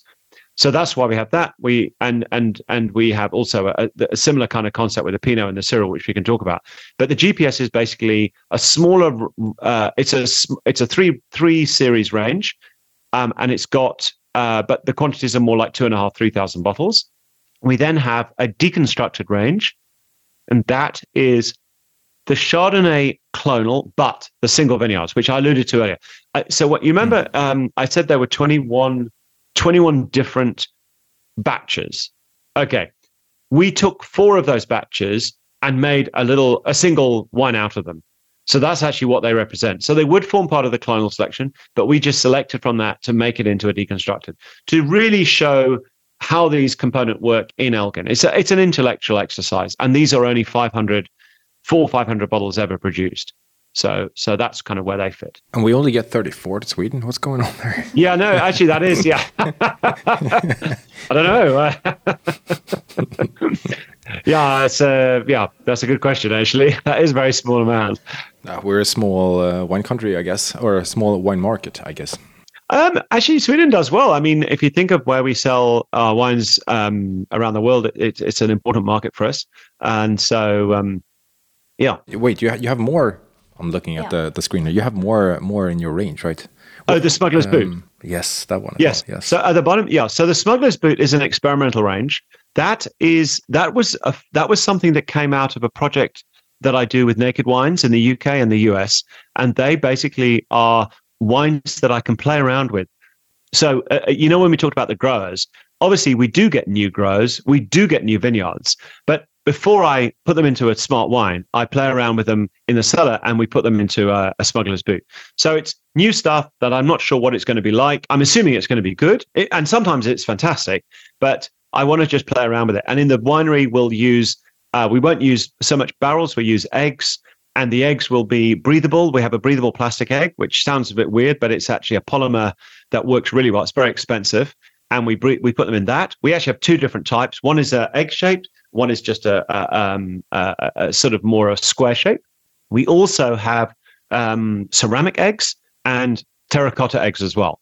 So we have a whole range of different types of um, eggs that we use, and we can also use older barrels, and we can play with staves and so we basically have fun. It, it's the idea, and the Smuggler's Boot range is supposed to be fun. It's it's it's a fun range, which actually generally um, quality wise is above the price that you pay, but it that's it's only only made in about two two and a half thousand liter. Uh, two and a half thousand bottle quantities. That's not, not a lot of not a lot of wine. When you make wine, you have done wine now for like ten years. Uh, you have done a lot of experimentation, systematic tastings, and your algorithm and your matrix things, and all this like is there one specific situation where you have really impressed yourself? Like i did it did i do that? Like yeah actually funny enough wine? yeah um i tell you what it, it actually was on a, on uh, so you, i talked a little bit earlier you, it was the, the the missing two grapes that i haven't mentioned again semillon and sauvignon. So in actual fact i was making that for a client um, and we and, and of course it was a new project so I, I hadn't I didn't make it before. I mean I used to work at Mulderbosch so I made lots of Sauvignon and a bit of Semillon but it was a new project for me. I hadn't used the grapes from Elgin before. It was a mission to get it right because the Semillon tends to rot quite quickly in Elgin. And I played around with some Elgin fruit. The guy said he's got a bit of Semillon um, which actually had a bit of age on it which was unusual. And then I also got Sauvignon as well. And in fact because I'd never intended to do that I played with a dirty juice ferment um, now I do that with the with the Chardonnay anyway, but I've never I would have never done that with Sauvignon because. What do you mean with that? A dirty juice ferment. So basically, when you when you we actually didn't talk about the winemaking. Oh, we we sort of alluded to. It. I I was so if you hold bunch press, you're going to get dirty juice coming out. That then goes to a tank, and then that settles out to a clear, clarity. So you get a clear juice, and then you get the lees at the bottom. And then what you do is you rack the wine off to uh, to your tank. So you've got clear juice. You add inoculation, and then the, the, the lees will then go through a filter called the Borbs, but it's a filtration unit. And then it's clarified, it goes into the tank. That's basically what happens. Okay. So yeah. it's a very uh, safe way to ferment. And that's almost 99% of wine is made like that, in, in white wines anyway. With a dirty juice, you don't rack it. You actually have it as dirty juice and stick it in a tank and allow it to go through natural ferment, or you can add a yeast to it. But it's a very dangerous way to ferment because the temperature can go up very quickly. Because the, the if you can imagine, the sediment has a lot of um, food in it, and that food helps the yeast grow very quickly. So if you don't control the temperature, the, the, the wine can run away very quickly, which is why it's very dangerous to do it, or fairly dangerous. And of course, you get all sorts of off flavors because there's all sorts of pre reductone characters or other weird stuff in there. But I do it for all my wines. I love it. I think it's a fantastic way because you also get amazing complexity. That's what adds to all the characters that you're going to get. And as long as you work it well, you haven't got a problem. Now, Chardonnay is less susceptible to temperature, but with Sauvignon it is. So we try to do this dirty juice ferment with Sauvignon, as we did with Semillon as well, which is again less problematical. And we worked with that temperature a little bit by cooling it in the tank. But then what we did is we put it in barrels as well, um, just to see what it would be like. And we played around with it so much that when we ended up with the final blend, it was just fantastic. Um, or rather, before we did the final blend, we tasted it in barrels and tank, and it was just amazing. So I kind of felt that maybe this is something we could do in the future. And we we didn't do it at the time. That was in 2013, but we did do it um, in 2020 when we finally decided maybe there's an opportunity. Also, by that stage, I'd found this old Semillon block in Hemel-en-Aarde. And or, by that stage, what I'd also discovered is Semillon is a disaster in Elgin. It always rots. So forget it. So go to Hemel-en-Aarde and get Semillon. And whilst I'm at it, get Sauvignon Blanc, and then I can bring it here. I think we touched it, but the, the deconstructed range gravel is coming here. Yeah. Uh, what can we expect from it? well, I think the, the the key with Pinot, uh, we haven't really spoken about Pinot as much, but maybe we can go through Pinot a little bit now. And that is that we do a few different things in, in ferment. Oh, you've got the Pinot, great. So let, us just look at that, and then we can elucidate through the through the clones. So the Pinot Noir is a wine that I've worked on over the last um, ten years because I didn't used to make Pinot much before. I made about I've done it for two or three years back in the 2000s, but not not much. So I worked on learning my trade a little bit on that, and also because Pinot has a lot of inflection points, um, especially with the actual growers, because everybody has this sort of stylistic and as we know, Pinot Noir is the heartbreak grape, but it's also the one that people love talking about. And and going back to clones, it's the one that everybody talks about the clones. It's like just just what it is. I think largely Pinot because it's so different and abstract from virtually any other grape variety on earth that it's it's almost its own category. It's a this light red, but it's quite full bodied when you taste it. It's you know unnaturally bigger and whatever. So with Pinot, um, one of the problems with it is that it tends to have um, something called non-acylated anthocyanins. That means that in with regards to the grape, the non-acylated anthocyanins means that they have free acetyl heads in the in the color, which means that they become um, bound with acetaldehyde. We're going, sorry, going down a technical road here, but it is important. It is important. Um, it means that they, they pick up acetaldehyde, they bind together to form bonds, which then make the color browner sooner. So you'll notice on a, on some Pinots, they tend to go brown quite quickly. It's the same issue that Nebbiolo has for Barolo. It goes brown quite quickly. It, because it has non-acylated anthocyanins, they are essentially really, really unstable. So be, because they're unstable, it means the color is unstable, which means it goes brown. So to make it more stable in before we start the ferment, we put in proteins to bind with them. So we don't want acetaldehyde, we want something else. One option is you can use um, neutral toasted oak, and those chips will bind like this, and that stops the acetaldehyde. But it means means that the color is better and deeper, a little brighter as well. So that's important. Now with um, with that, you can also add other proteins. So one option, for example, is to add stems. So the stem inclusion, which we do in Pinot, as we do in Syrah, adds further binding sites for the color to make them also a little bit more stable because they're tannic. Um, in fact, Pinot Noir is actually a very tannic grape variety. It's just that the tannins don't reside in the skins and the pulp, but they're in the seeds and the stems. So we're adding stems and these untoasted or, or lightly toasted neutral oak chips. Then what we do is in the tank, we do a different set of pump over, remontage, or whatever, in, in terms of interaction. Where the juice sits, you've got to imagine you've got your tank and the cap is up here, and the cap is going to have the juice underneath, or rather, the cap is here, sorry, and the, and the juice is under here. The juice is taken off from the bottom, it's taken through into a different um, tank, totally, totally different tank, and it's allowed for the all the juice is taken out. So what happens is inside the tank, the cap falls down, and as it's falling, implodes and crumbles. And in crumbling, it releases further juice and any latent heat, which is important because it reduces the temperature of the cap, which is important because those things give you those slightly kirsch pomace grappa notes. So that I don't want that. The juice then goes to another tank. It settles over about three or four, three to four hours. And settling, it takes some of the seeds out that tend to come out, and it ta- takes some of the precursors to reductones. So the vegetal characters. The precursors are important because they will form reductive qualities later, which Pinot is slightly susceptible to.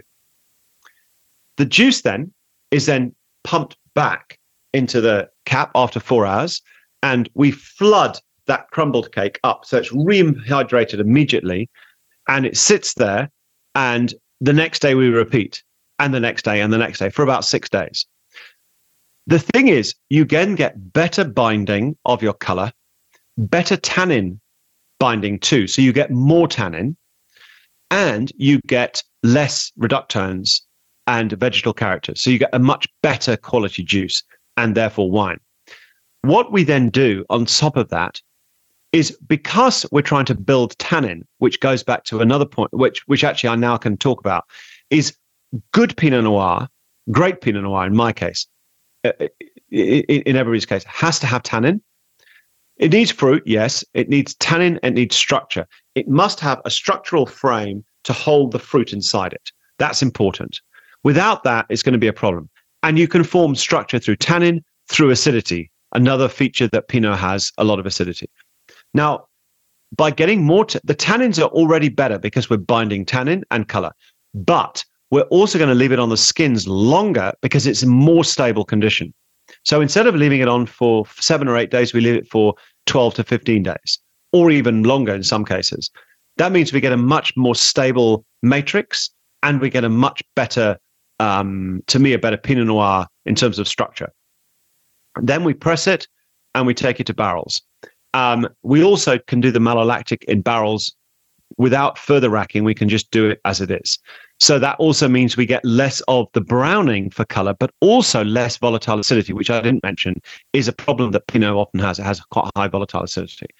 Um, and you often do pick that up in quite a lot of Pinots you buy on the shelf, unfortunately. So where does that leave us with the question you asked, which is what is the deconstructed valley valley thing? I, am going to get there. I'll just just uh, um, where it leaves us is that that is a single expression where that particular um, clone it, which is triple seven, which is light and floral um, and delicious, um, and and has it's on a structure site. It's quite low yielding. It tends to have wonderful structure, real intensity, uh, concentration, and it's on a very vertiginous slope. It's a very steep slope. Um, and that's basically where that deconstructed. And because we've made it in that way, we get the wonderful tannin, uh, we get the wonderful structure and concentration and that's what makes that particular wine so interesting. So do have a taste of it. I think it was that one or the sandstone um, that Jancis Robinson gave 18 out of 20, which is the highest scoring Pinot Noir ever from South Africa. We haven't nobody actually has ever got more than 18, or nobody's got 18. So it's really worth trying when you get it. It's a quite a it's quite a very cool wine. So um, do do have it. And the clonal selection is clearly a, a, mix of different clones and different sites, as much as the Chardonnay is. So that hopefully kind of covers both both wines. So, so you mean that the wine that we have in our glasses now, the clonal selection, is sort of like your budget wine? well, I, yes, I don't think we really make budget wines personally, but yeah, I suppose it would be seen as my budget wine. Yeah. what uh, what's the future of Kershaw look like? Kershaw wines. In terms of Kershaw wines, we are really focusing. You've met Sarah, who's with us for a year, and we uh, we're actually going to be working a lot more online with stuff that I can do. Um, basically, uh, vlogs about uh, you know about what we've spoken about, clones and delestage, and take each subject, do you know 15 minutes, make it um, digestible, but try and actually look at how we can decide and elucidate that part of it because it isn't easy and we've you know, as you said, we spent two hours talking about it. Is a lot of a lot of ground to cover, and you know, I, one of my seminars on climate is is is an hour and a half. We could have done that just for an hour and a half and then carried on. It it isn't easy. I I, I had the, I had our Japanese agents, and we I did four seminars during the day, so. Uh, it's a lot of work. So, in a in a sense, what, what I want to do is get that message across more obviously we would love to have our own cellar and i am looking at ways of trying to manage that and plant vineyards on the on the farm that i've got. And that would be hopefully something we can achieve in the next 10 years. Um, in terms of focus we want to keep focus. We're on pinot and chardonnay and syrah. Um, if anything syrah is becoming harder because it is uh, we're in a marginal climate. It doesn't always work. And you know i've spoken to growers who are happy to sell to me but they are worried about the future and the other side of the coin is I've spent so much time promoting Elgin as the Chardonnay and Pinot producer that people have said, well, you've spent your last 10 years promoting this region, then we why should we keep Syrah in? And why don't we just put more Chardonnay and Pinot? So I guess that's yeah. the thing.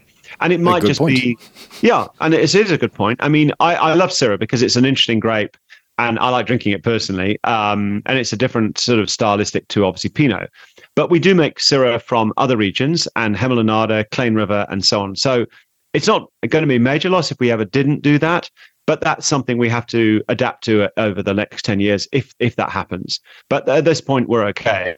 Um, but there again, Pinot and Chardonnay are such a hand in glove couple that it seems to be it wouldn't be a big a bad thing. Um, if you could make any type of wine, not just uh, Syrah and and, uh, and just don't consider location or or climate or anything, what would it be? I would probably stick to what I'm making. well, you're doing I, it good, so yeah. if I wanted to make something else, I'd go and live there. make that something else. I mean, so you I, actually you selected Elgin because the wine that you wanted to do, you found a good spot for it. Yeah, I, and for I, his wife. Yeah, I found South Africa for my wife, but actually, my my criteria, you you it's it, it's an interesting point to to mention. But clearly, I could have made Cabernet blends in Stellenbosch, but I just think I felt that Chardonnay was an interesting grape. Now, why I chose Chardonnay over Chenin, for example, or Pinotage, is that Elgin is an unusual region. Is that, as I alluded to it, I, actually, I don't know if I did actually say this, but we're an apple region with grapes. Seven and so 8,000 hectares of apples and some pears, 750 hectares of grapes. So less than 10%. We also, though, with, with regards to Chardonnay, Chardonnay has no price ceiling, whereas all the other white grapes tend to. Riesling is has a higher ceiling than some, but Sauvignon, Assyrtiko, Albarino, um, Sauvignon Blanc, blah blah blah blah blah. There's a price that people are willing to pay and no more. You know, you can go 20 euros, 30 euros, 40 sometimes, but you're not going to be able to get up to 100 or 200 euros. We know Chardonnay goes for much more than 200 euros from top Burgundy sites. That's fine. So therefore, that's interesting because it means that we can push the ticket out even more. And being in South Africa, where the prices are a little softer and lower, that's tricky. So I wanted to do that. Pinot Noir, well, that's obvious that that kind of follows its suit, and Syrah is is fairly similar. Um, so in a way, that was my pa- Syrah, to be honest, was more my passion. But but I think Chardonnay is such an interesting grape, and I think also one of the weird things with Chardonnay is it's probably the few white wine grapes where it can be sold at more more expensively than red wine. Because if you think about it, you know, when you think of red and white, it's usually people pay more for red and they're happy to pay for that. Whereas Chardonnay is one of the few that people aren't, and Riesling maybe as well. But but but that's kind of one of those weird things, and that's kind of why I wanted to do that. And I think if I'd wanted to do Cabernet, then I would have probably been interested in doing something in um. And, and and largely also, I was fascinated with Elgin. I came up to this region, and I remember thinking, this is something else. You know, there's things like rhododendrons and hydrangeas growing. There's brambles and stuff. You don't see these in Stellenbosch at all. It's too hot for that.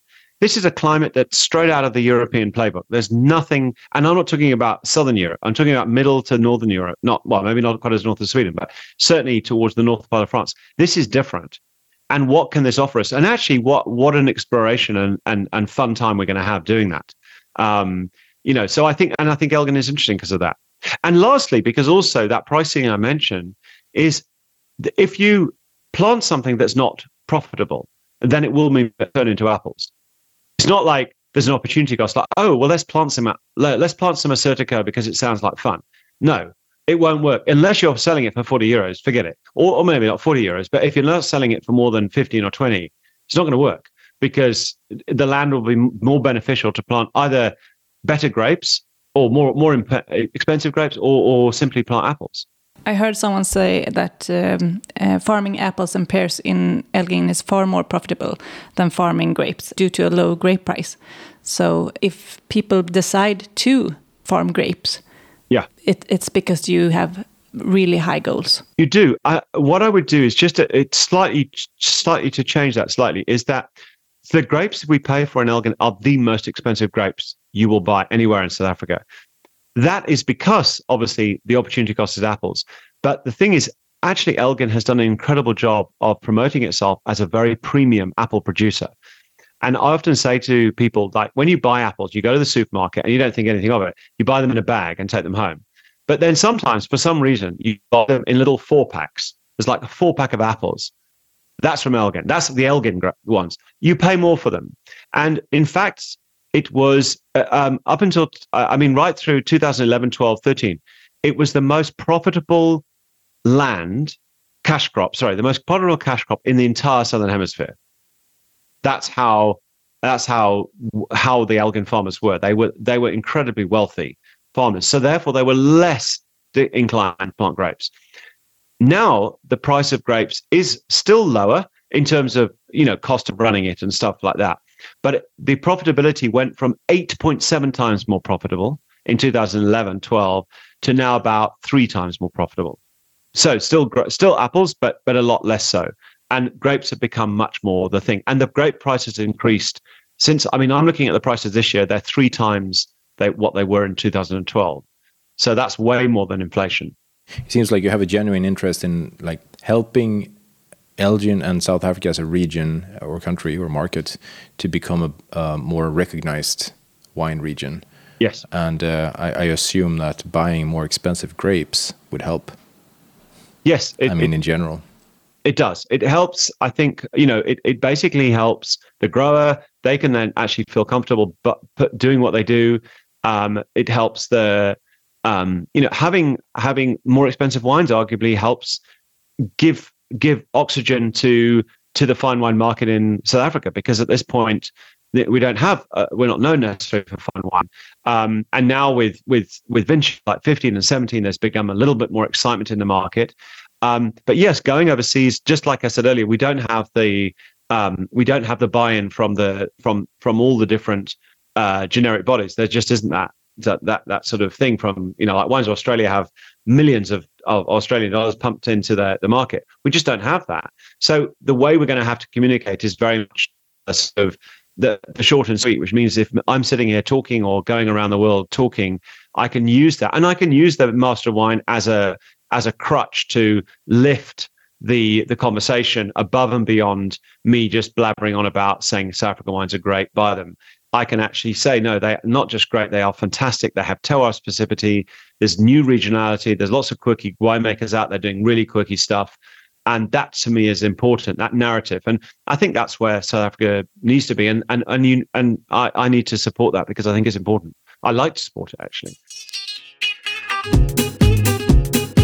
do you have a great food and wine combo that you can give us so i have done a few um, i haven't done them on youtube yet but i've done some for naked wine some videos um, we're just sending out a few recipe cards but I think that Chardonnay, the Kershaw Chardonnay, really goes well uh, with garlic, uh, uh, tiger prawns or or big prawns, um, either done in garlic and butter.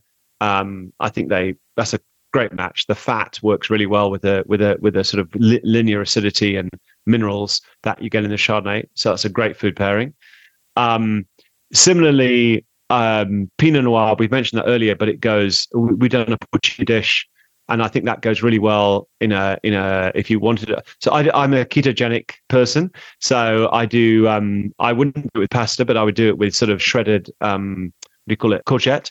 But that is fantastic porcini and also a bit of beetroot as well, which again is that earthy earthy thing that that works quite well.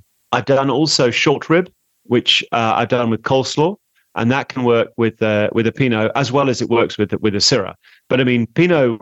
We always forget Pinot does actually work with um, red meat and particularly beef better than we realize. I mean, Boeuf Bourguignon is a classic dish in in, in Burgundy. Um, but I often do uh, I often do uh, with lamb Syrah. Um, in fact, tonight I will be having some lamb chops, and that will hmm. probably I'll have my Syrah with it because it's um, it's a perfect mix. The fatty lamb and and um, I don't do it with much. I do it with rosemary and stuff. I, I tend to use work with a lot of herbs rather than again keto. I don't use the sort of these sweet sauces and stuff. So yeah, something like that works, works extremely well. Um, there was something I had yesterday. Oh, the uh, my my family's love. I do a sausage dish, um, which is sort of done in herbs and a bit of spice and a bit of um, uh, tomato and and that actually really goes well with a pinot. Oh, sorry, and mushroom, and but not not porcini, but like portobello, portobello mushrooms. Yeah. Um, and that works fantastically with pinot.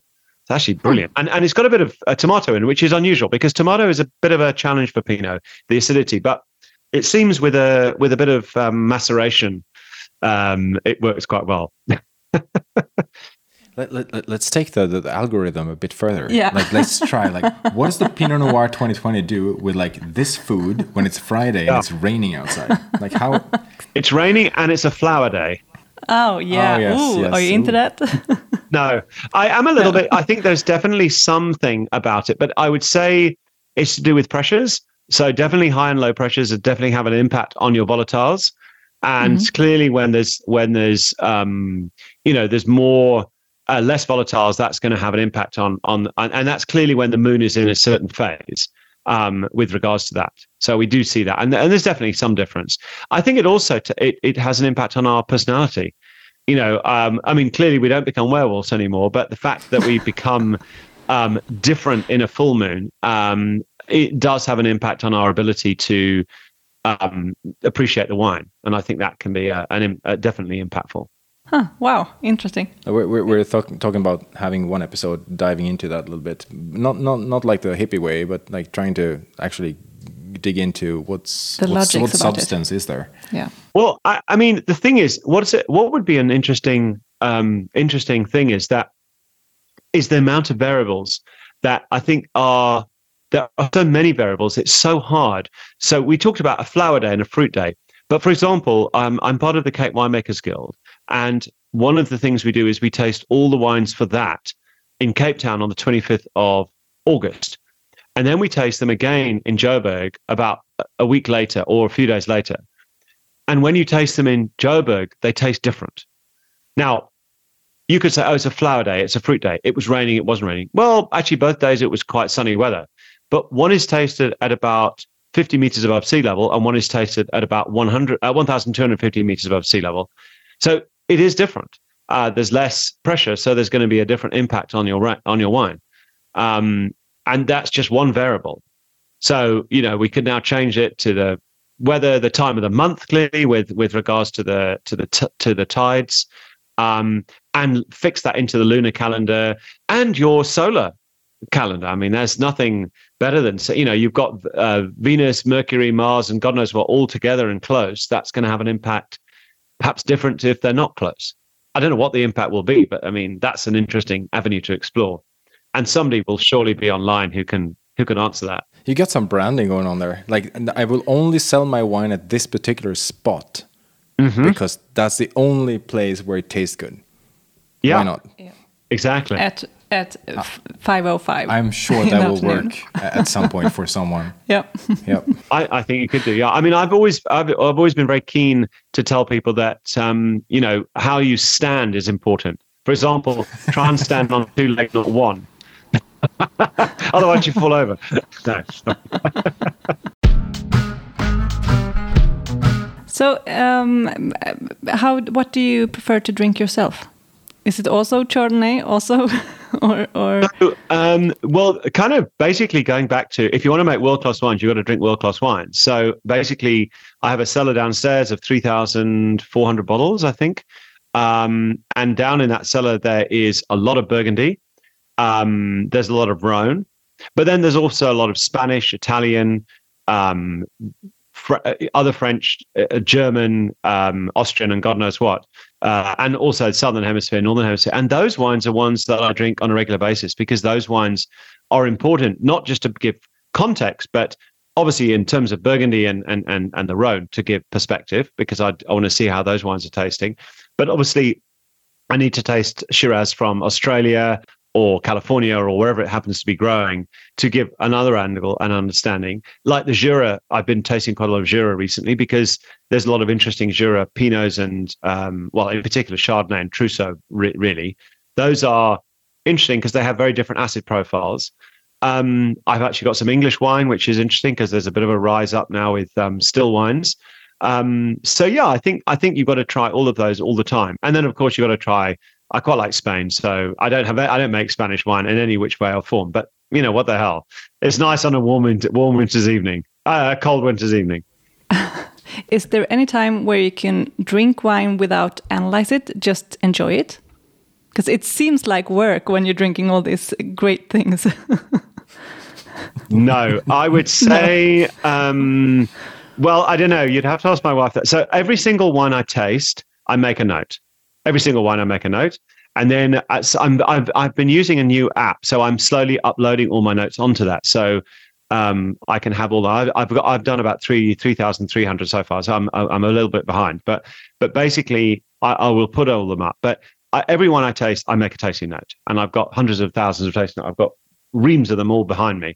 Um, but the thing is that it is important because um, I want to taste the wine, make the note on it, and then I can compare. Like you mentioned at the start, um, you were talking about you know going to a tasting and then you come back.